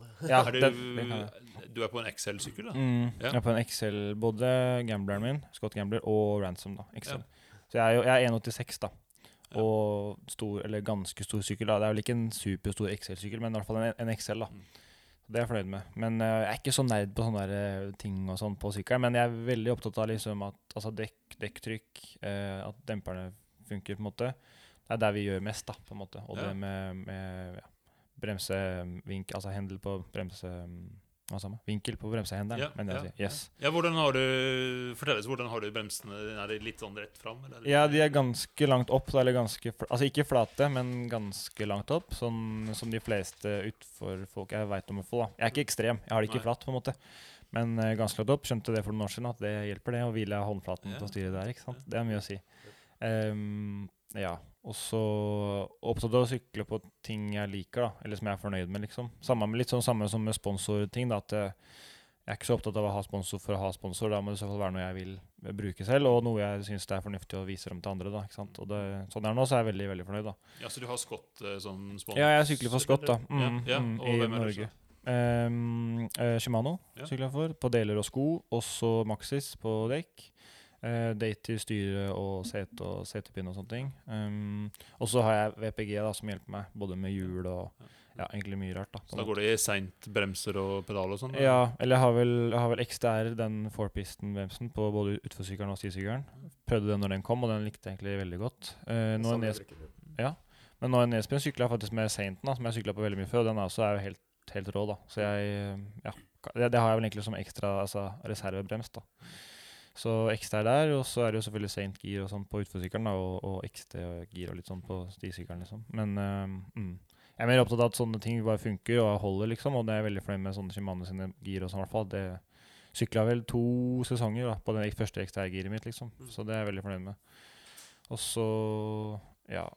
Det er vel egentlig det. sånn Ja. Sponsor delemessig, da. Eller sånne Ja. komponenter og, Ja. og sånn. Må ikke glemme noe, da, tenker jeg da. Så Ikke noe klær, eh, hjelm og Ja, det er, det er skott, da. Det er ubeskyttelse og sånn. Ja. Men uh, nå må ikke jeg glemme noe sponsorut, men jeg tror jeg er kjipt. Jeg tror jeg er eh, riktig der, ja. ja. Kommer det noe gjennom landslaget og noe gjennom Rye og Eller er det alt personlig? Alt er egentlig personlig, altså. Mm, det er det. Uh, I hvert fall for meg, da. Men Rya har jo noen avtaler med noen, klubb, nei, med noen butikker og sånn, på en måte. Men sånn for min del så er det mest liksom direkte, da. Ja. Mm. Mm, Du, så det- du nevnte dekk i stad. Altså, Mm. Hvilken dekk er det du kjører på? Har du innlegg? Ja. Dekktrykk? Jeg kjører, eh, altså jeg kjører Maxis, da, og da er det vanligvis uh, Assegai som er liksom min eh, go-to, på en måte, etter den kom. Så de første to årene den fantes, så kjørte jeg det foran og bak. Ja. Og da hørte jeg etter hvert at folk bare 'Hæ, gjør du det?' liksom. Det er jo helt galskap, men det, det er liksom det jeg liker, da. Så Jeg har jo kjørt det bak, jeg, syns det er Ja. bra bakdekk, faktisk. Ja, ja, Ja, jeg, også, jeg kjørte også den bak når jeg var, var i Nesbyen og på Hafjell i fjor. Eh, og så lenge du har en heis, så går det bra. Altså. Men, jeg, men jeg, har, jeg har faktisk det på altså, Jeg har syklet noen stitur nå nettopp, og den er litt seigere. Så hvis du setter på en eh, DHR eller en uh, Dissect eller et eller annet, så merker du det. mm. Men det funker, det. altså. Ja, det funker bra. Men nå er det endra litt, at nå er det Assegai foran stort sett, og så er det DHR to bak, da. Jeg liker oppbremsinga til DHR litt bedre, på en måte. Um, og grepet til Assegai foran. Og på stisyklene så er vel Assegai foran og, As og Dissector bak, da. Ja. Så det triller litt bedre, på en måte. Det funker jo stort sett til de, de stigene jeg sykler her nå. Og så har vi jo hender jo at det er litt vått på utforritt, ikke sant. Det er ikke helt umulig at det regner, da. Så da er det jo fort at shortiene kommer på, da. De er jo helt rå sånn Mm. når det er Ja. vått eller sånn semi-vått, på en måte. Ja. Um, og så har vi jo wet scream, da. Det er kanskje ikke noe dere har vært så mye borti, men eh, Nei. Det hender vi bruker de òg. De er det ser ille. utrolig fete ut. Ja, Ja, det de gjør er det. helt rå. Det er var så liksom, lange pigger. Men det, det, det har jeg lagt merke til. I downhill så er gjør det jo ofte helt motsatt av det man ville ha tenkt som stisykkel. Man setter ofte eh, det groveste wet scream-dekket bak eh, før man setter det både foran og bak. ja, det er litt forskjellig det der um, altså hva forskjellige team gjør, da, og hva forskjellige ryttere gjør. på en måte. Det er, jeg så, har sett veldig mange forskjellige komboer på et ritt hvor jeg vanligvis kjører shorter foran og bak. da. Mm. Eh, og så hender det at de kjører wet scream og klipper dem, så de blir litt, litt lavere. på en måte, Men Mhm. de er jo ofte litt smalere enn shorty, da, Mm. som er 2,5, og den er 2,4, tror jeg. Før var den 2,3, faktisk, den Mm. der. Så um, det er litt forskjellige komboer. Jeg husker jeg var i, i fjor i levegang. Der var det jo helt krise gjør- gjørmete og vått. Og jeg kjørte testa både wet scream og shorty. Men uh, da så jeg liksom uh, Mange av de gode kjørte bare det DHR foran og bak, liksom. Ja. Fordi det, i løpet så ble det såpass uh, sporete da, at det var bare å følge ett spor. Ja. Så, så fort du lå i det sporet, så kom du ikke ut av det. Nei. Men eh, du måtte bare holde fast, da, ikke sant. Fordi det triller jo utrolig dårlig, det West Cream-dekket, på den langstrekka i Leohagen. da. Det er liksom nesten asfalt, ikke sant. Da er ikke West Cream beste, da. Ja. Men uh, jeg syns det er kult. Når du tar på de, så veit du at det er alvor, da. Det er det, liksom, det er det Det er jeg har lyst, lyst til å kjøre det en gang, for det føles som alvor. Sånn ja, ja, ja. Men jeg, jeg tviler på at du trenger det utafor en utforløype når den er oppkjørt. da. Altså Det er eh, for å spikre deg fast, liksom. Men den er, ja, den er helt rå, den. altså. Det er jo kniver nesten, de der pigga. Så det, men shorten den bruker vi ofte, da. Den er, den er, Ja, for jeg tror shorten er en veldig undervurdert uh, dekk. ikke, eh, jeg tror jeg aldri har sett noen sykle på den på sti, men jeg, jeg har vurdert å teste den ut i år. eh. Ja, for det er jo sånn, den er jo helt rå når det er litt mykere, på en måte, og så er den fortsatt lave nok knaster til at det, det blir ikke så glatt på steiner og røtter. Mm. Men på en stisykkel så er det jo Altså, jeg sykler omtrent samme dekket på sti hele tiden. Enten om det er vått eller altså Jeg klarer meg masse guy og DHR på den liksom hele tiden, da. Så shorty er kanskje ikke det mest sånn um, vet jeg. Sånn dekk som funker på, på en måte Sånn for en sti, liksom. Ja, allsidig for en stisyklist, da. Mm. Men for oss som sykler på en måte samme løype om igjen, og det blir altså, vått, den er helt rå der, altså. Mm. Og så Det med dekktrykk har jo på også utrolig mye å si for oss på utfor. da, og det, Der har jeg blitt ganske flink de siste årene da, til å prøve meg fram litt. og Har vært måte, redd før å kjøre med litt lavere trykk, måte, men nå har jeg på en måte gått ned litt. da, både Mm. der, Og har liksom en sånn, altså, sånn standard jeg alltid kjører, og så går man ofte litt ned, eller kanskje litt opp. på en Det måte. Hva vil det si sånn Ja, altså jeg på en måte Altså jeg, jeg veier 86 kilo, da, bare for å vite sånn cirka hva jeg veier. på en måte. Og så kjører jeg da 25 foran og 27 bak, da. PSI, da. Det er liksom Det min er ikke verre. Da. Nei da, det er liksom min vanlige standard, på en måte sånn Mm. Ja, med mindre det er glatt eller sånne ting. Og, og det gjør det selv om det er store berms og ja. Mm, mm. Det er liksom på en måte nok, da. Jeg kjører alltid med utfordekk, enten det er på stiler eller, utforsykkelen. utforsykkelen. Um, ja, så hender det går ned hvis det er vått, da, til sånn 24 foran, kanskje 23. eh, 28 bak hvis det er veldig slagete. Litt sånn der, da. Ja. Og så kjører jeg også innlegg, da. Det må vi jo fort ha når det smeller- litt, da. Så ja. Ja, I innlegg så får du jo litt livelse. Det føler jeg, og det vrenger ikke dekka av så lett. Og det er eh, Ja, det er akkurat det. da. Det hjelper jo mye etter at det kom. på en måte. Jeg tror første gang jeg sykla med tubeless, det var NM i Narvik når jeg vant det i 2015. Da tror jeg at jeg hadde 45 PSI foran og bak Oi. i det finalerennet der. Og jeg, jeg hadde ikke helt, jeg hadde klart å sette opp tubeless første gang, men jeg skjønte ikke helt på en måte hva som skjedde inni der. da. Så jeg var bare livredd for at det dekket skulle falle av. ikke sant? Så jeg, det var stein hardt, da, men eh, ja, det har gått litt ned siden den gang, heldigvis. da. Det er mer sånn freerider. eh, Ja, det var det. BMX nesten. ikke sant? Jeg tror jeg har gjort det én gang, men det var fordi at det er sånn klassisk eh, poppe dekket på med kjempehøyt trykk, og så glemt å slippe ut litt luft. ja, det er ikke å anbefale, altså. Det går litt lavere der. Men eh, ja, alt under 30 tror jeg de fleste Og over 20 er liksom, er de fleste ligger, liksom. Så, ja. så lenge du har innlegget, da, så går det fint. Mm. Er det, altså Sykkelutviklingen har jo gått bananes, spesielt med endurosykler siste årene. Og sånn, og så nå begynner det å komme litt sånn Eller det er jo en del som har high pivot, og noen som kommer. og eh, er det, Hvilken retning ser du utviklinga av syklene går i? Sånn på, ofte så kommer det downhill først, og så Mm. Ja, de prøver vel ofte mye på liksom downhill og sånn, de gravity-idrettene, liksom, da, men uh, Nei, jeg holdt på å si, jeg veit ikke. Det er som sagt ikke så, på sånn nærhet på de tinga, på en måte, men mer sånn jeg, jeg tror at de fleste sykler funker ganske bra i dag, da. Altså Mm. sånn, de, de fleste er inne på noe der, på en måte, så man kan jo sykle fort på hvem som helst sykkel, tror jeg, da. Men eh, det er litt mer sånn personlig hva man liker, og åssen sykkelen skal føles og, og, og oppleve, da. Men um, Nei, jeg vet ikke. Jeg husker det kom det der, når det kom sånne plussdekk. Jeg vet ikke om Det er Mm. noen år siden. De der plussdekka. mm. Og da det, det klarte jeg jo ikke å skjønne meg helt på. da. Jeg tenkte liksom, Hvorfor skulle det være så bredt? Det blir jo sånn, sånn uh, humpete og liksom litt lavt. da. Men det forsvant vel ganske fort. da. Så det er jo sånne ting som, som plutselig er helt inn et år, og så er det liksom plutselig helt ut. da. Men med de der eh, altså utforsyklene begynner det å bli ganske, veldig mye likt. da. Veldig sånn med rammesettet Ja. og sånn. Mm. Så um, ja, nei, det blir altså, gøy å se åssen det utvikler seg. Det er jo helt sinnssykt hva som har skjedd på bare ti år. på en måte. Men uh, ja, jeg tror jo så lenge du har en sykkel du er komfortabel på, da. Og så er jo det viktigste han eller hun som er oppå sykkelen. ikke sant? Så det er, det er akkurat det som er, Men, har mest å si. da. men gambleren, den er ikke high pivot? vel? Nei, den er ikke det. Den kom i 2020 da, med ny ramme. på en måte. Den har jo vært kjent for å være liksom jernhesten med mye linkage og liksom okay. mye sånn. Så det var Altså, det, den også var litt rå. Jeg sykla mye på den alu-sykkelen før det, men uh, den nye er liksom Den er enda mer stabil og lettere, på en måte. Og selv om den, jeg har nå XL, så er den fortsatt liksom Altså rask nok der hvor det er litt krapp, da, på en måte. Men okay. sjelden på utforløyper så er det liksom sånn knot, da. ikke sant? Så Mm. derfor er det fint å ha lengde på den, da. Bare at den Mm. er stabil, da. Mm. Har vekt noe særlig å si for downhill-syklister?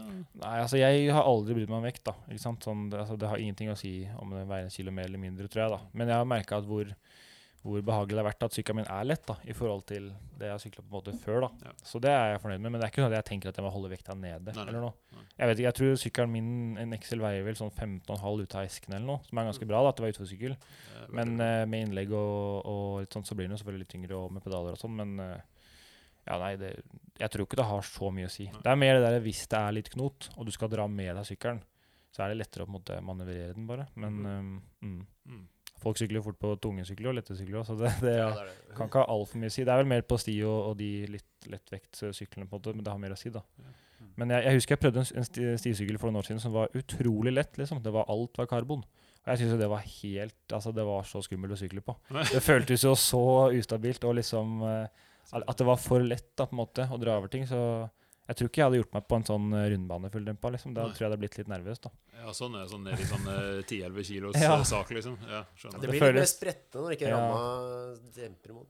Så føles det liksom litt sånn spinkelt, da. ikke Mm. sant? Mm. Så jeg, eh, jeg kjører ikke sånn karbonstyre og sånn, da. Det er jeg ikke noe fan av. Um, Sykkelen min er karbon, da. Det er jo det er bra, liksom. Men uh, ja, så det, ja, det Jeg er ikke så opptatt av vekt, altså. Sånn generelt, i hvert fall.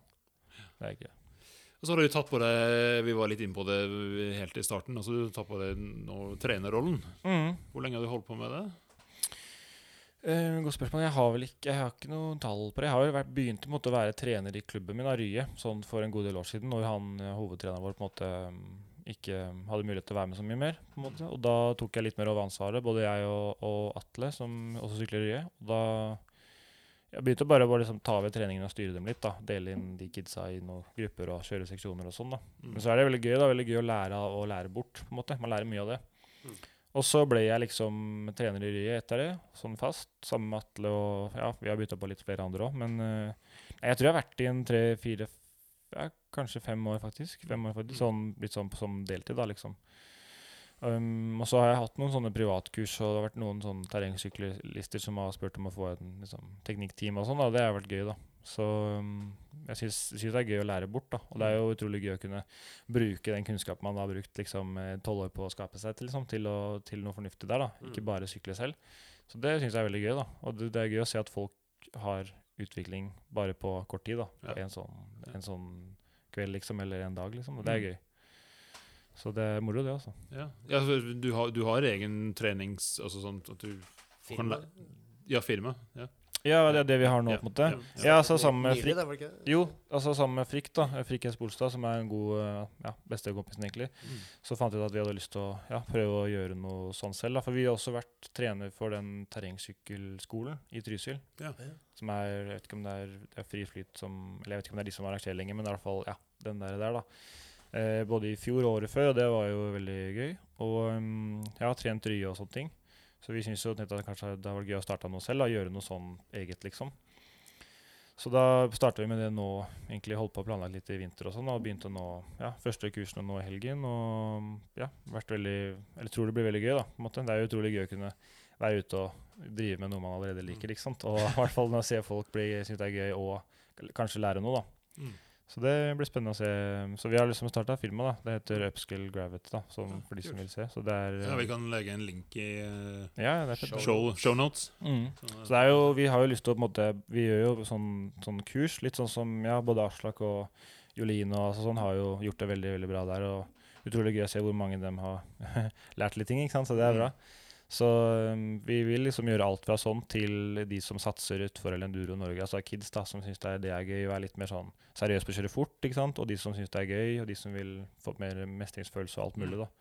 Så det, det blir spennende. altså. Og mye sånn firmaer som har tatt litt kontakt, og sånn, som har både lyst til å gjøre noe gøy for gjengen, eller det er mange sånne stigrupper, som for eksempel i forskjellige firmaer, da, som er litt ivrige på ja, å få lære litt og sånn. da. Så det er gøy. Det er kult. Mm. Hva slags trene trener er du? Er du sånn som liker å vise hvordan man skal gjøre ting riktig, eller er du, syns du man skal finne ut av det sjøl? Ja, nei, eh, vi er veldig på at eh, de skal alltid på en måte for å prøve selv. på en måte. Eller, vi er veldig opptatt av at eh, når vi lærer en teknikk som på en måte vi mener er riktig, da, så skal de kjenne forskjell på det de i hvert fall gjorde før, og hva vi prøver å si til dem. da.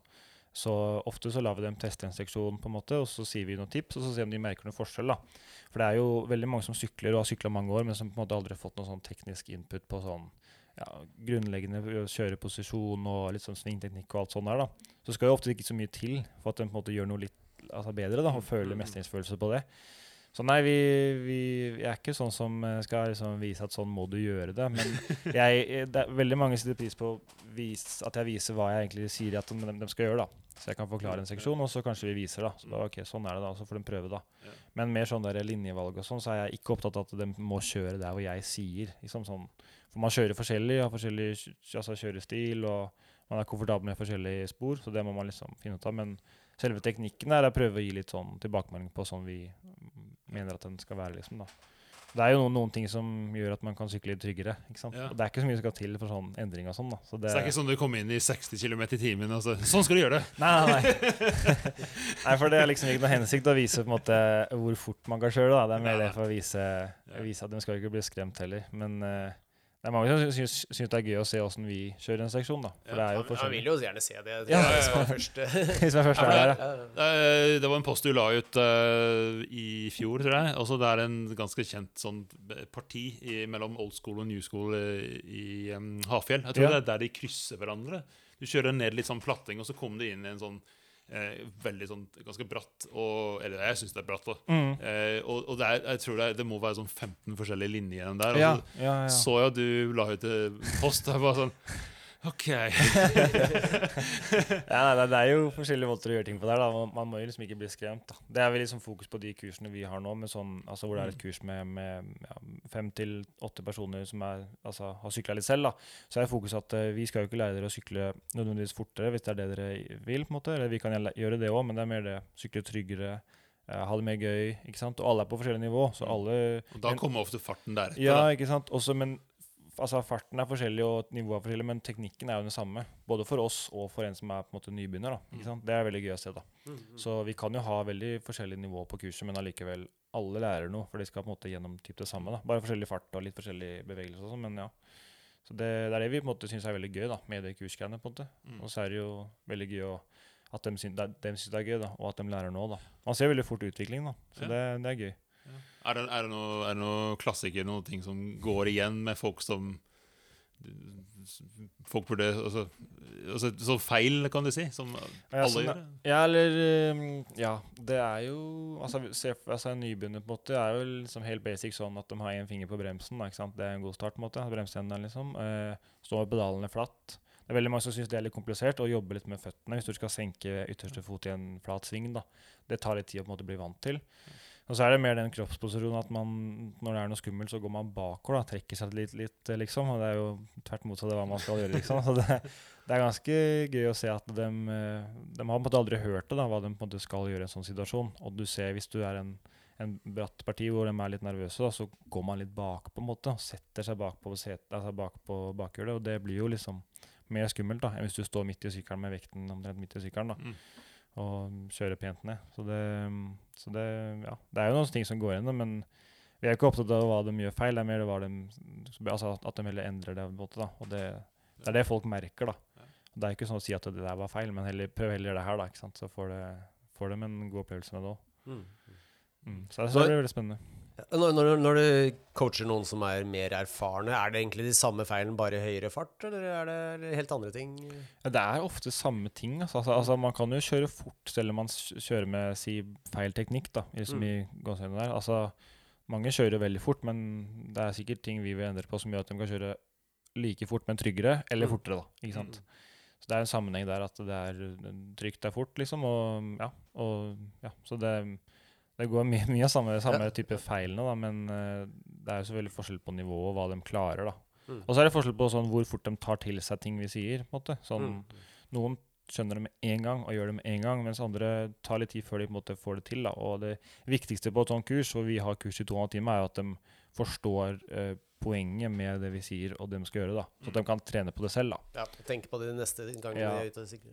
Målet er ikke at de skal bli ferdigutlærte på den tiden, for det blir vanskelig. Men at de heller skjønner hva de skal Ja, ta De heller med får seg. noen verktøy de kan jobbe videre med. Ja. på en måte. Ja, Ja. Det er liksom det med å ha forståelse da, for hva som skjer når du sykler, den tror jeg er viktig. da. Mm, mm. den, vi som har sykla lenge, har på en måte opparbeida oss mye sånn forståelse. og så kan liksom skjønne åssen det blir å sykle en seksjon før vi har liksom prøvd den. ikke sant? Mens det blir litt annerledes for de som ikke har sykla så lenge. da.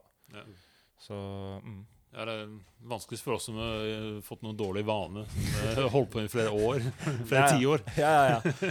Men det er jo sånn, det er samme som når man lærer seg nytt. så tar Det tar lang tid å bli, å bli vant til å gjøre, eller vant til å gjøre noe nytt. da, ikke sant? Og det, det er ikke gjort på to og en halv times kurs, men det er mer det der eh, skjønne det og ja. Ja, det å ligge bak syns jeg er en klassiker. Det er Mm. sånn som, altså, det var bare et par uker siden det var noen som filma meg utfor dropp. Og så så jeg videoen etterpå, og så var det sånn Herregud, jeg ligger så langt bakpå det. Ja, altså, det, er, det, altså, det er veldig veldig bra å se seg selv sykle. Vi bruker det veldig veldig aktivt. Har gjort det både med oss selv opp gjennom åra og på kursene at vi, vi filmer eh, personen da, som sykler. Mm. For det er veldig gøy å se seg selv. da. Det, føler, det er ikke alltid det ser sånn ut man føler det, ikke sant? og motsatt. Så det, det er veldig veldig bra verktøy for å, å skjønne hva vi på en måte vil fram til da, med en seksjon eller en teknikk og sånt. da. Så det er veldig gøy. Og så ja, vi, vi bruker det som det, og så er det det å få sånn tilbakemelding sånn, altså sånn Prøve å gjøre det, for folk gjør jo ting forskjellig, da. Så det å gi dem litt sånn personlig tilbakemelding er veldig veldig bra. Det er akkurat som vi trener, da. Jeg er vant til å trene på utfor siden, liksom. Kjører jo samme svingen sikkert 50 ganger, ikke sant, og så bare blir det litt og litt bedre, da. Mm. Så det er liksom å, altså, gidde å ta en seksjon to-tre ganger. Det er ganske stor forskjell fra første til tredje gangen du kjører Ja. en sving, liksom. Ja. Så det er jo noe man kan gjøre på stitur, bare. Og det er veldig gøy å se hvor fort man blir bedre. da. Mm. Ja, du, du sa jo litt før eh, Litt før vi starta her, så sa du egentlig at du kanskje sykler, du sykler jo mer sti enn du sykler utfor i sånne Mm. timer. Du, bruker du det litt sånn aktivt, eller er det, er det på tur når du er på tur? eh? Nei, Det er litt forskjellig. Noen ganger så kan jeg være på tur til jeg skal ha tre timer, og da skal jeg bare sykle tre timer. på en måte. Litt Mm. mer sånn eh, uten å tenke så mye. Men så er det i hvert fall hvis jeg sykler løyper som er litt uh, hvor det er litt uh, altså kule svinger eller noe som er relevant da, for, for utfor, så går det an å gå opp den og gjøre den igjen. da. I hvert fall hvis jeg ikke gjør noe riktig, så jeg har jeg ikke, da må jeg opp og naile den liksom, før jeg kjører videre. da. Og, eller samme hvis jeg kjører samme løype da, på en tur, tråkker opp og kjører ned, så merker man jo hvor man kan gjøre ting bedre. og sånn da. Mm. Så det, jeg har jo flest timer på en stisykkel sånn med tanke på min egen trening. da. Det har, Mm. har jeg jo, da. Det er jo ikke så ofte vi kan sykle utfor både med heis og sånn, selv om vi har um, T-bane her i Oslo, da. Men um, ja. Mm. Så det blir mye timer på stisykkelen, og alt gjelder jo der òg, på en måte. Så enten du er nybegynner eller ikke, så, og er god, så er det samme teknikken, samme på utfor og samme på sti, så det er jo veldig overførbart, da. Mm. Ikke sant? Så mm. Og, kan jeg bare skyte inn et lite spørsmål som jeg har lurt på her? Hvis du hadde kjørt stisykkelen din, Ransom, som er en ganske grov endurosykkel, egentlig, eh, på et utforritt, hadde det vært sånn her at du har ikke sjans til å matche din egen tid, eller hadde det vært bare litt bak? Eh, ja, det er sikkert mange som, som lurer på. Jeg hadde ikke hatt sjans på tida mi. Det kommer selvfølgelig an på løypa, da. Ikke sant? Det ikke gjør det. Men sånn Mm. stort sett, da, de løypene jeg sykler, så er det ikke sjans, nei. Nei. Det er stor forskjell på Selv om ransomen min er vel 170, liksom, og utforsykkelen er 200, så det er ikke så mye om å gjøre. Det er, det er ikke vandringen i seg selv? Nei, det er mer det der hvor robust den er, da, ikke sant? Ja. hvor mye den tåler, og hvor mye på en måte, terrenget den på en måte svelger, da, uten at du tenker egentlig over det. Så det er litt forskjell for meg å komme fra stisykkelen til utforsykkelen. Jeg må jobbe litt mer på stisykkelen, og kan ikke slippe på liksom utkanter og sånn altså, så, så hardt uten, uten å tenke meg om. da. Mm. Så det er stor forskjell, altså. Så det er veldig gøy når de der sti og sånne, sånne sykkeltester og sånn sier at den eh, kjører nedover som en utforsykkel. Det kan kanskje stemme, men det, det er nok forskjell, da. Du er ikke helt enig? Nei. jeg er ikke helt enig der, nei. Da skal jeg i så fall prøve den sykkelen. da. Fordi det er, det er forskjell, altså. Det er derfor vi også kjører utforsykkel på ritt. da. Så, men, eh, men det er mange som kjører veldig fort på endurosykler. Altså sånn for eksempel Saka og sånn. Han hadde sikkert holdt følge med meg. Altså sånn, eller altså, selv om han er utrolig rask på både sti og utfor, så er det sånn Han kan kjøre like, nesten like fort på endurosykkel, tror jeg. Men Mm. jeg merker stor forskjell, da. Så det er Mm. ja. I hvert fall ned i røffe løypene. Val di skulle jeg ikke sykla med stisykkel. Det, den- det dropper jeg. Da blir det dyrt òg. Jeg har ikke vært der, men hørt mye skummelt om de løpene. Ja, det finnes grenser for hva Selv om endurosykkelen er helt rå, så er det liksom Det er den der siste delen, liksom, den siste toppinga med fart og, Ja. og impact som utforsykkelen Så Kanskje litt selvtilliten, da. for det, jeg, jeg vet det, sånn som med gaffel, altså jeg gikk fra en Fox 36 til en Fox 38, og da så er det flere som sier at det egentlig ikke er så mye vits i, men jeg, jeg følte stor forskjell på selvtilliten, fordi det kna... Når jeg, når jeg kjører løyper Jeg er jo ikke sånn som kan kjøre hva som helst raskt, men jeg kan kjøre de løypene jeg kjenner, sånn som lokalt oppe i Grefsenkollen her, så kan jeg holde f- Føler det så fort som sykkelen kan trille. Og noen ganger så smeller det i den der gaffelen, og det rister, og det knaker. Og jeg tenker at nå er jeg på vei til å dø pga. hele sykkelen. Jeg er på vei til å dø. Mens med 38-en, som er bare litt sterkere, så var det akkurat sånn. Da, da går det greit. liksom. Rister og slår i hele sykkelen. Men liksom Jeg tror altså selvtilliten kommer jo litt av at du tror Ja, det, det, det remmer gjør det. Ja. Du skal jo liksom stole på utstyret ditt òg, da. Og Ja, ja. du kan jo tenke deg da neste akt som blir en Fox 40, da, som vi kjører på, det er jo altså enda mer Altså det tåler enda mer, da, på en måte. Mm. Og det er jo ja, det er sammenheng med å ha dem, de demperne justert riktig. da. De er- Mm. funker jo ikke så bra hvis de ikke er justert riktig, men det, ja. det hender at jeg må en venne meg til stisykkelen hvis jeg har vært mye på utforsykkelen, eller motsatt. da, ikke Mm. sant? Men uh, det er derfor jeg liksom digger utfor, fordi da både med sykkelen og med løypene og den terpinga av samme, samme løype, da. At man bare kan kjøre på. Det er, det er ikke sykkelen som stopper deg, det er liksom det er deg selv. da.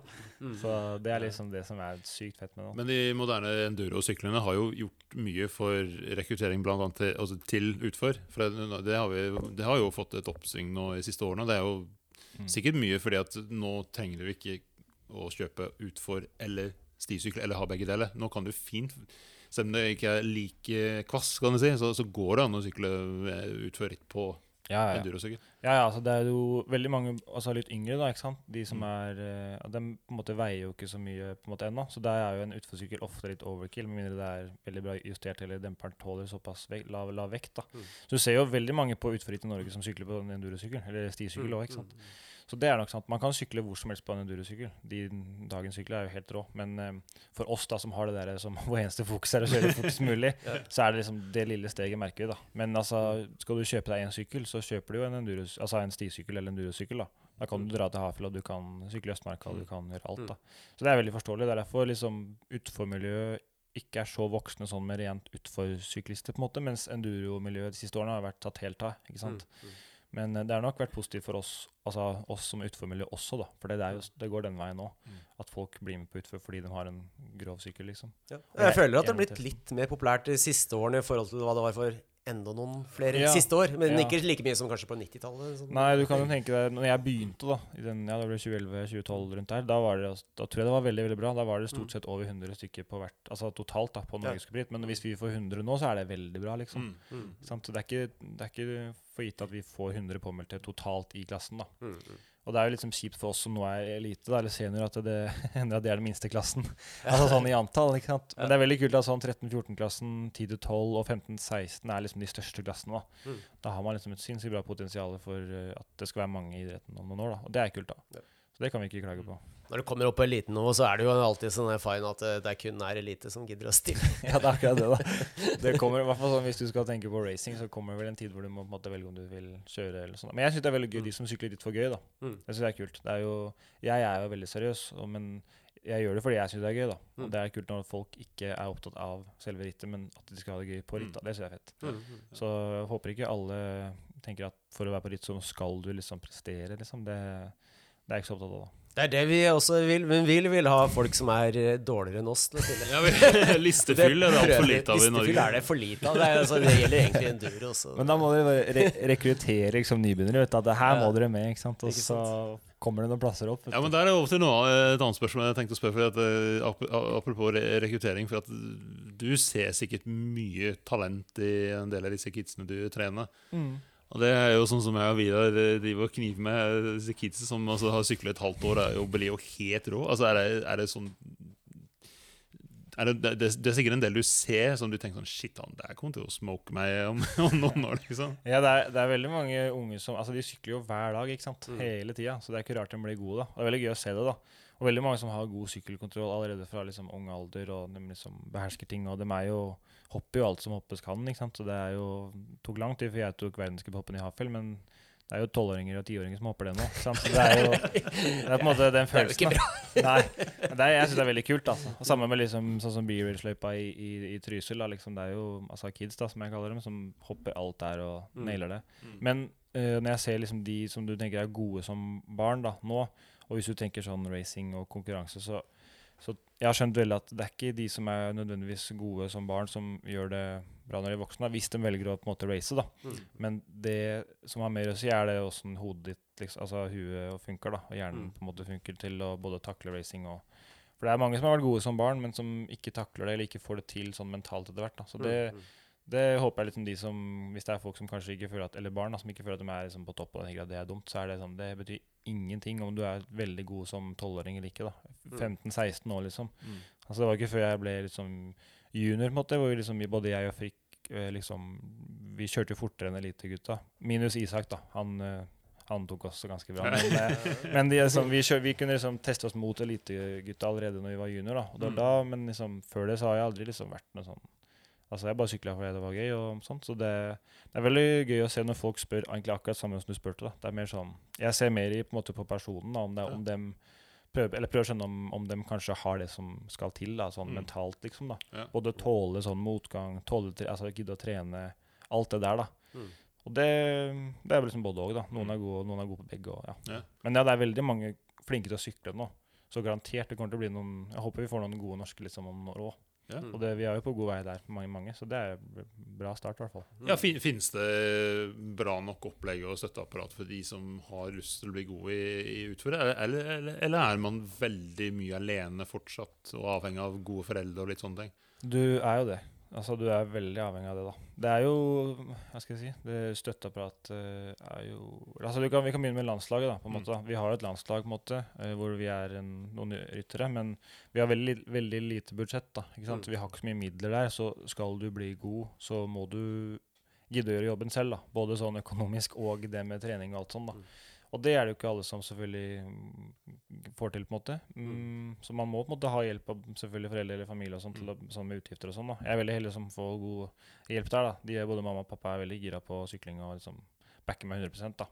Så det gir mulighet til å kunne drive med det. Men øh, Og så er det jo de som hakket under landslag, blir det mer sånn type satsingsgrupper og sånn. Vi har liksom noe i ryet, men det er jo ikke på en måte så mange. og Samme med penger, liksom. da. Det er penger som på en måte styrer mye av det opplegget der. Men eh, også nå har vi fått en sånn satsingsgruppe med Region Øst, tror jeg, på, med utfor og enduro. Og det er jo en bra start, på en måte. Og under der er det jo klubbene da, sant, som gjør jobben. da. Men det er nok liksom Jeg vil si at det er ganske ikke dårlig, men det, det kunne, det kunne vært veldig Mm. mye bedre. da, ikke sant? Og i hvert fall sånn tatt, tatt tak i de som har lyst til å satse og lyst til å bli god, Mm. som er 15 år kanskje. da. Der har det vært, i hvert fall mens jeg var 15, veldig lite på en måte, hjelp. da. Mm. Så det, ja, det er også noe sånn som jeg og Frikk syns det er veldig gøy å på en måte hjelpe og coache de litt yngre som, som er ivrige, da, som har lyst til å legge litt innsats, kanskje ta, ta det seriøst, kanskje tørre, eller tørre å høre at det, det må gjøre sånne ting annerledes. og litt sånne ting da. Så det er noe vi håper å si, ser, på, ser, ser for oss i framtiden å kunne tilby sånn til de som virkelig vil. da, At vi kan ha litt oppfølging, da, selv om vi også satser. på en måte, og Sånn type et nivå før landslag. da, ikke sant? Men igjen, det er jo ja, det er ikke så så stort opplegg på landslaget, men vi er en veldig fin gjeng. Og Niklas som trener er liksom helt rå, så han hjelper oss utrolig mye. Men det er det der, dessverre så styrer penga veldig, veldig mye, da. ikke sant? Det er sånn Ja. det er, da. Så ja. Du, du jobber ved siden av, eller? ja, jeg jobber ved siden av. Jobber liksom på, i uh, butikk, da. Sportsbutikk. Så mm, man må nesten, nesten det. Så Ja. Og du studerer i tillegg, gjør du ikke det? ja, Ja. jeg gjør det. Studerer i tillegg, så det er nok å drive med, da. Men, nok, å, nok å betale, men man må, man må få litt penger inn, ja. Man tjener jo ikke penger på I hvert fall ikke i Norge, da. ikke sant? Så, Ja. ja. Han, eh, Niklas, han er landslag, eh, landslagslederen. Mm. Han eh, beskrev eh, Du fikk en 31.-plass i World Cup-kvalifisering. Han, Ja. han beskrev det som historisk. ja. Og kanskje for noen som ikke kjenner til så godt eh, utforkjøring altså så, eh, 31. Liksom. Mm. Men, men altså, og i kvalifisering. Men det, det er jo sjukt bra. Ja. Eh, men det Takk. nivået der er, det er så høyt. Ja, det er utrolig høyt. Og det, altså det, det var kanskje min beste opplevelse i fjor. da? Å få til det der. For målet mitt i fjor var på en måte å være topp 60 på ett verdenscupritt. For da, da er du kvalifisert til finalen. ikke sant? Og øh, jeg var jo langt bak på de første. på en måte, Sleit litt der. Men å komme på 31. Da, altså, det var helt sjukt, liksom. Jeg, jeg tror det var sist gang jeg gråt. Det var da liksom jeg kom i mål. liksom. Jeg var, jeg var helt, det var helt sykt, liksom. Og komme inn i mål, og så ser du at du kommer inn til 29. Og da har alle de gode kjørt. Så jeg veit ganske godt åssen jeg ligger an når jeg kommer i mål. da, For jeg har jo et høyt startnummer. ikke sant? Så alle som burde slå meg, på en måte, har kjørt. så jeg ser liksom, jeg ser typ hvor jeg ligger an. da. Jeg bare, Det der kan ikke stemme, liksom. 29, ja. men så, så det var helt sykt, da.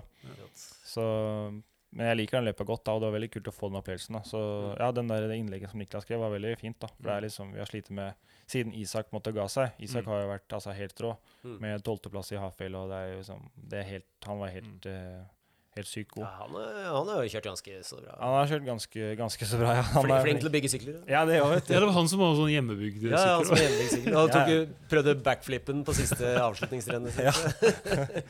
Så han er helt rå. Altså, Så på det siden han så har vi vel egentlig ikke hatt noen elite herrer da, som har Ja. kvalifisert seg til verdenscup engang.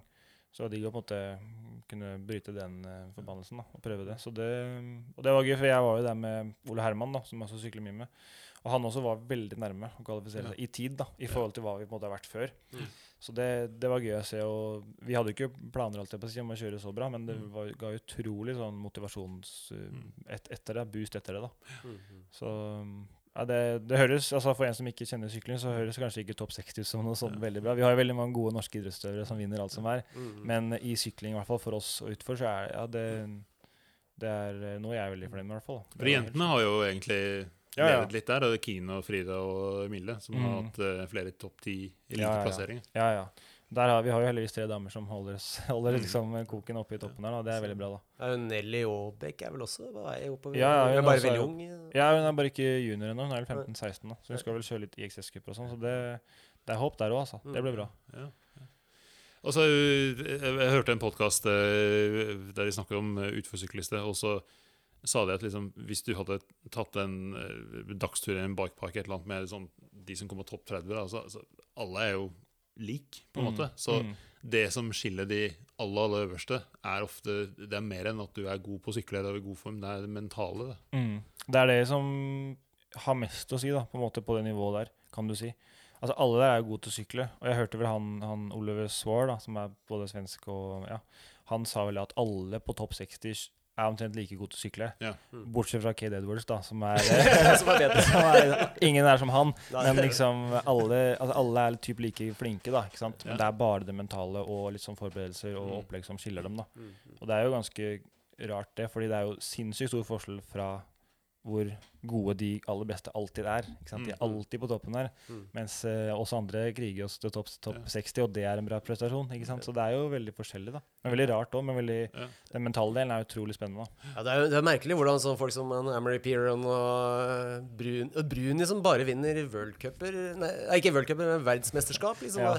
Han kan jo ha en dårlig sesong og så vinne verdensmesterskapet. Det er, det er, det er, noe, er vinnerskalle liksom enda viktigere i downhill enn f.eks. enduro eller mange andre sånn litt mer utholdende sporter? Ja, jeg vet ikke. Jeg skal ikke liksom si så mye for dem vet om de andre idrettene, men sånn Det er nok eh, vel så viktig på en måte enduro. Da. Litt annen type, vil jeg si. Liksom, litt sånn mer annen type mentalitet, liksom. Men det, der, det presset vi får på start, da, det er jo veldig likt som alpint. Da, ikke sant? Mm, Det er sånn du har for dem et minutt ned, mens vi har kanskje tre-fire. da. Og det er jo Ja, du skal gjøre alt All treninga du har gjort, skal telle de fire minuttene. på en måte, Og hvert eneste treningsrun på den helgen skal liksom Det er nå det gjelder. Og det er nå du er mest sliten nå, for det er på slutten av helgen. ikke sant? Mm. Det gir jo ikke mening at det er da vi skal kjøre fortest, men det er jo da vi, da vi liksom skal gjøre det. da. Så um, Nei, Det er veldig veldig utrolig å se. Og de der som er liksom topp ti, topp fem da. Nå er det egentlig veldig mange som på en måte er i stand til å vinne en men si topp fem, da. De er nesten alltid topp fem. Mm. Ikke sant? Og det er jo helt utrolig. Og sånn som Brunio, som vinner liksom VM, da. Han har tydeligvis en, en greie for VM eh, at han får til da, ikke sant? Det For en boost, da. slett. han, han har vel sagt det mye, da, at han, han, han digger jo å stå sist på start. Altså han, Det presset han får når du er sistemann, det er det som han presterer best i. da. Og så er det et eller annet med VM. Det er veldig, det er samme som Aaron Gwin, Det er typ motsatt. Vinner Ja. liksom så mange verdenscuper, og så har vi aldri tatt VM-tittelen, liksom. Det er noe rart med altså, den der mentale delen. Og det er det med utfor at uh, vi har liksom Sånn som Tibo Daprella, da, som kom førsteårselite elite og liksom var på pallen. Mm. ikke sant? Og vinner, og det er helt sykt. Som er 18, eller 19 kanskje da.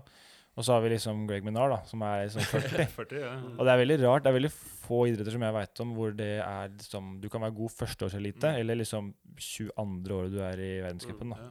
Og det er jo ganske sykt. Og så er det også noen av de rutinerte som plutselig får det til, sånn som Bernard Kerr, som hadde en helt sinnssyk sesong i fjor. Han har alltid vært litt sånn topp 20, og, Mm. og sånt, men i fjor så plutselig altså, Han nesten fikk uh, Ja, det var nærme. Du tenker liksom ikke på han som en sånn topp fem-fyr før i fjor, på en måte. Men ja, det er helt Ja, det- utrolig. Og du ser liksom mange sånn som ja, Oliver Svar, um, Andreas Kolb og mange av de som hva skal jeg si, er litt eldre, da, de er vel sånn 28-29, eller så- litt, litt, litt eldre enn meg, da, har liksom ikke gjort det sånn superbra før, men så plutselig så bare løsner det helt, liksom. Mm. Og de er sånn som Andreas Kolb var vel topp fem, liksom. Og, Ja, ja. Og Oliver fikk jo en, var det sjette eller sjuende på, altså på VM eller på Andorra. Det er liksom, plutselig så bare klikker det på en måte helt, da. Og det er veldig rart. da, De har liksom sykla siden de var sikkert var tolv, sånn som meg, og så bare plutselig så er de de, de, de er ikke noe liksom bedre til å sykle. Det er, Nei, det er noe et, annet. Ja, det er et eller annet de får til, da. Eller noe som gjør at det plutselig Og det syns jeg er motiverende, da. Fordi jeg har selvfølgelig holdt på i en god del år, liksom, men Altså, jeg, og jeg er 24, da, men det er sånn Man kan like gjerne bli god når man er 30 som man er 20, da. Og det er kult, da. Det er kanskje ikke samme i langrenn. Du skal kanskje ha kondisen fra start, ikke sant? Men Ja, eh, jeg det. jeg syns det er kult da med idretten vår, da. Man, eh, man er ikke kjørt selv om man er 30 og folk begynner sent. Og samme er det på sti, da. Men kondis er jo også noe eh, man kan bygge over tid, faktisk. Altså, den VO2-maksen går jo litt ned, men eh, resten kan jo egentlig bygges eh, tror man modnes sånn 90-30-åra, egentlig. Ja, Ja, det kan stemme. Ja. Altså det, og det, liksom, igjen, det, er liksom, det er mye å si, men det er liksom ikke alt. da. Men si, er du, det er mer sånn, er du ikke godt trent, så har du på en Mm. måte ikke så mye Da kan du slite, da. Men det er, mer sånn, er du til en viss grad godt trent, Mm. så er det mer det sykkeltekniske og det mentale som spiller inn. da. Og det, ja, det er jo det å jobbe med mentale som jeg syns er gøy, som kanskje jeg hadde villet lære mer av de yngre, hvis jeg Mm. hadde mulighet til det. da, på en måte. Og det var tatt, tatt, tatt litt mer del av det. Mm. For det er mye å si for de årene som kommer, hvis de vil bli gode, da. Eller bedre, da. Mm. Så På, eh, på et racerun, eh, hvor mye risiko legger du ned i racerunnet? Så Jeg hørte en podkast med eh, Greg Minar, og de spurte han sånn Ja, ja, når du går inn i sånn, er, er det er det 50-50? Og så sa han nei, men det, de oddsene der hadde ikke jeg tatt, liksom. Altså, Nei, nei sånn det. Nei, altså, det, det, er mange som får inntrykk av at dere bare en sånn death wish hele greia, liksom. Det er ikke det. nei det, det er ikke det, altså. Det er Jeg vet ikke, for Folk tenker kanskje at når vi sier at vi skal, nå skal vi kjøre fort, så tenker vi at vi liksom legger igjen hodet på toppen. ikke sant? Mm. Og kjører bare helt bananas nedover. Men da kommer du ikke langt, og da går det ikke fort heller. Så for oss er det veldig veldig kalkulert måte, risiko, og liksom terpa og trent på det og på en måte spissa akkurat som vi vil. da. Men vi kjører jo ofte litt over evne, på en måte, og det er da det enten går veldig fort eller veldig gærent. da, ikke sant? Så det, jeg har på en måte vært kjent for liksom den som, eller han som alltid på en måte får det til på et race, på en måte. Fordi jeg tidligere, når jeg var litt yngre, var veldig mye innafor komfortsona, da. Ikke sant? Jeg var liksom ikke så på en måte utafor, og det må man jo litt, da. Men det er mer at man må det på trening for å kunne kjøre fortere altså, i race, da. Men jeg har jo noen øyeblikk på det finalerunnet som jeg Jeg hadde vært redd om jeg var passasjer, liksom. på den sykkelen. Det er ikke trygt, altså. Og det, det, det hender jo, men veldig ofte så går det bra, da. Ikke sant? Jeg hell, trener mest, er tryner mest på trening, ikke, ikke i racerun, på en måte. For da er du såpass liksom Du er så spissa, du er så fokusert, og du Ja. Men det går alltid fortere enn det har gjort. Mm. Og vi er mest sliten, så det er jo det er ikke rart det går gærent av og til. Mm. Men i noen finalerun så er det sånn jeg kommer ned og bare OK, fy søren, nå er jeg glad at jeg står her liksom, og ikke ligger oppe der. Fordi det, det ble litt uh, heftig, ja. Men så er jeg, jeg tror liksom de som får det til, er de som klarer å, å håndtere de situasjonene. da. Mm. Sant? Og det med reaksjon har mye å si, da. på en måte. Så ja, det er en stor kombo der, men det. Stort sett går det bra, da. Det er jeg fornøyd med. Jeg skal holde meg på hjulet i hvert fall nå. Det, det hjelper vel at du, i, i downhill så har du liksom memorert hele løypa. Ja. Det er ingen overraskelser, sånn, bortsett fra hvis du kommer ut av linja. Da kan det være litt problem. Ja, men da må du liksom ta det best mulig. da. Akkurat som på enduro-ritt. da. Du må bare, du kan ikke tenke på at det skjedde, du må bare se videre og kjøre på. da. Og, det, og så er det det med reaksjonen og sånn. Når jeg kjører, så jeg føler at ting skjer veldig sakte ikke sant? når jeg sykler. Jeg har på en måte god tid til å på en måte ikke tenke meg, men se på ting. da, ikke sant? Eneste er vel når jeg tryner. Da Mm. er det et, et sekund hvor det var litt svart. da, ikke sant? Men, eh, når jeg sykler, selv om jeg som kjører i finale, så føler jeg at ting ikke går sakte, men har god tid. da. Mm. Og det er vel sånn, hvis du ikke har den følelsen, så er det ikke helt trygt. liksom. da. Da Mm. ja, så men jeg vet ikke hvordan man skal trene på det, da. For det, det jeg vet jeg ikke, men Nei, for det, det, det- det der er jo det jeg føler at jeg sliter litt med på sånn blind enduro. I enduro så er jeg stort sett ja, alltid egentlig litt blindt, da, for jeg greier Ja. ikke å huske så veldig mye Nei. løyper som jeg har kjørt i tusen ganger. ja. og, og eh, det er jo egentlig som at hjernen greier å kategorisere faremomentene raskt nok. For de kommer jo mot deg i en sånn rimelig grei fart. Altså. Og det, er sånn, det kan man nesten trene på, da. Hvis du trener på å kjøre blindt. da. Det er Mm. åssen- du kan kjøre, se langt fram, kjøre litt penere, Mm. ikke være så brå bevegelse og sånne ting. da. Det, noen ting kan du gjøre, da. Mm. Men på utfor så er det mer det at vi veit akkurat åssen vi bør Mm. treffe ting. da. Og Mm. vi ja, traff ikke det, så har vi på en måte tapt litt tid. Og da vi kjenner, vi jeg kjenner det liksom, da, at nå søren, det der var dårlig. Mm. Ikke sant? Men uh, noen ganger så, så, så Noen ganger så kan du se folk sykle, og så ser det veldig raskt ut. For det skjer mye, og det er mye som altså steiner altså flyr og sånn. Men så kan klokka si noe annet, da. Og Mm. motsatt, da. Ikke sant? Så det, det er veldig gøy å se på folk og se på klokka. At det er ikke alltid det på en måte samsvarer med sånn man, man tror det er, da. Ja, ja. Du ser liksom, ja, Bruni og det, begge disse Swar-brødrene kjører så pent, ikke sant, og så smooth. Mm. Så har du liksom de, ja, Laurie Greenland og de litt andre gutta De er ganske wild, altså. Ja, det skjer litt mer ting, da. Men begge kjører fort, da. Så det er også forskjellige kjørestiler, liksom. Ja. Så ja, det er jo interessant å se hvor forskjellig man kan kjøre da. Mm. Hvem er det Hvem er dine på en måte favoritt, eller er det bare- er litt sånn Vel- Veldig kopiert. Ja. oh, det er vanskelig. Du må jo nesten si noen som har gjort det veldig bra. Men jeg, altså jeg liker veldig mange av de Altså Det er veldig mange jeg ønsker at skal vinne. på en måte Litt forskjellige grunner. Sånn så eksempel Finn Iles. da Han er utrolig fet og Mm. kjører veldig kult. Kjører veldig smooth. Kjører tøft. eh. Kjører veldig tøft, ja. Og at han liksom har alltid vært Han har vært, vært veldig nærme å vinne mange ganger. da, ikke sant? Og ja, Så han, han liker jeg liksom. Bruni er jo også helt rå. Men jeg syns at franskmennene er litt for gode. ikke sant? Så det er, jo, det er kanskje noe ikke, ikke, ikke, ikke heier på engelskmann sier jeg helt Ja. riktig. Men uh, vel, de er jo helt rå, så de gjør jo noe Ja, riktig, de franskmennene. Men, uh, og når, når liksom Gwyn var på en måte sitt aller beste, så så jeg veldig opp til han. da, For jeg likte at han var så seriøs. og han var litt annerledes. da, Han liksom, Mm. ja, han virka nesten litt kjedelig, da, mens jeg tror mange tenkte at det var sånn, ja, han er litt kjedelig. Og, og han vinner alt. så blir han litt irritert. Mm. Han sto veldig fett, stødig. Ja, han sto veldig stødig. Det skjedde veldig lite der òg. Var Mm. veldig sterk i, på, på sykkelen. på måte. Men også, altså, Minar er jo også altså, Skulle jeg Mm. valgt en, så må jo nesten bli sjefen, Ja. ikke sant? Ja, ikke sant? Han er jo Goat. Han er Han jo har kjørt bare så bra så lenge. Det, Ja. Og han kjører bra, og han, jeg tror, hvis jeg skulle på en måte lært noe av noen, så har det nok sikkert vært han. Både fordi han sykla lenge, men ja, jeg tror man, han har nok skjønt noen ting som Han virker jævlig safe når Ja, ja, ja. han sykler. Altså, ikke, Ja. ikke at han tar det safe, men han virker bare så stabil. Men han har jo trynt bra noen ganger. Ja.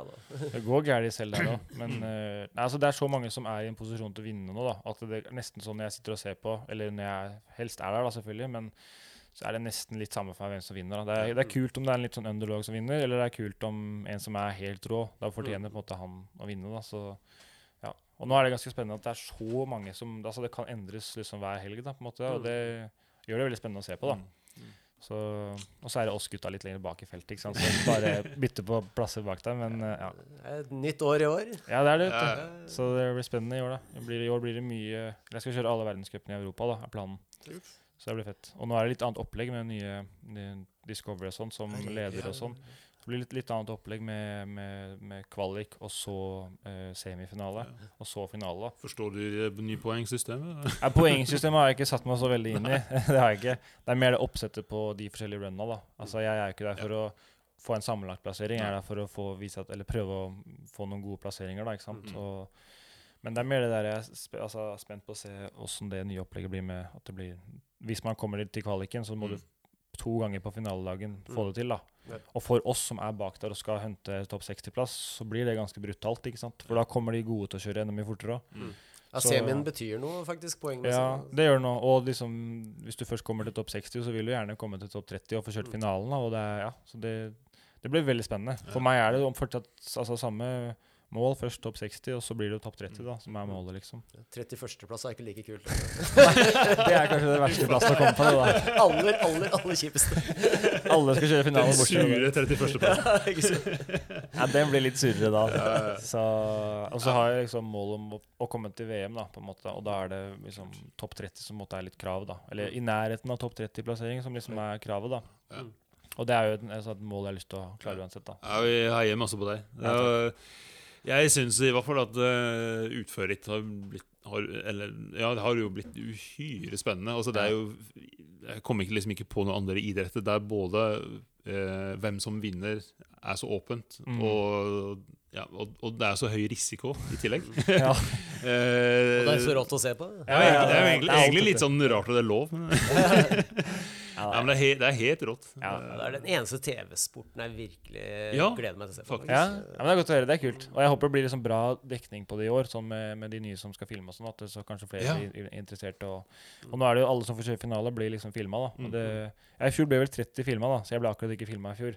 På, på finale der også, men eh, det får gå. Men eh, jeg håper det blir kult å se på i år, altså. Det er jo en kul idrett, ja. Og ved siste spørsmål. Kan du manuals?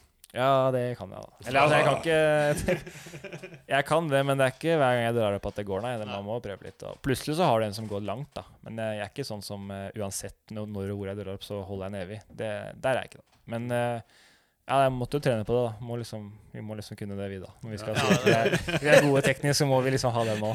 Kjipt ikke ha den. Ja, ja.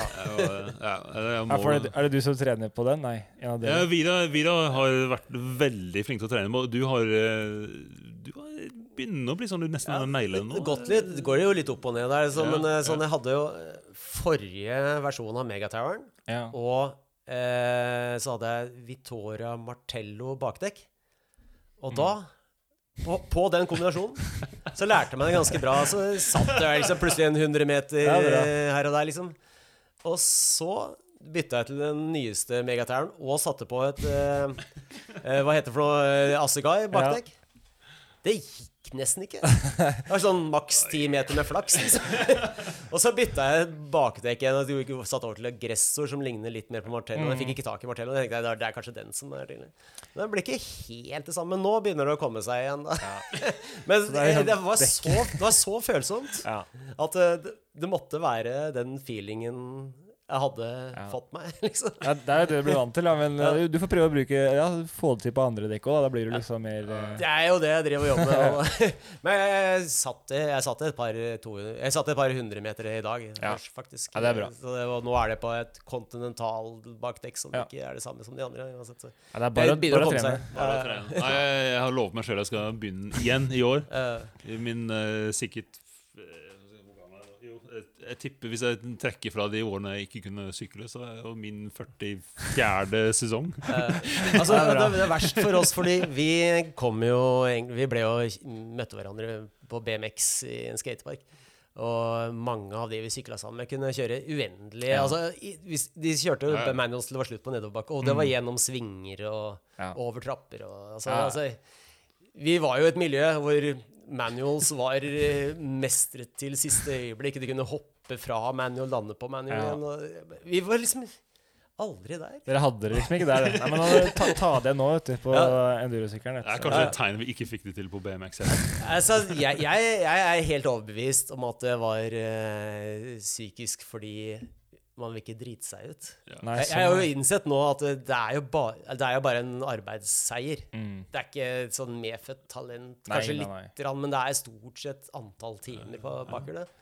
Det er jo bare Ja, det er liksom å gjøre det på, på vei ned under asfalt, eller altså det er, Eh, og det er jo bare å gjøre det hele tiden, så da kommer det etter hvert, altså. Og jeg, jeg er ikke, ikke den beste på det, absolutt ikke. Men eh, vi gjør det litt når vi kjører ned liksom asfalter og sånn. Det er det jo ja. ja, det er det jeg begynte med, det er da det begynte å komme. Ja.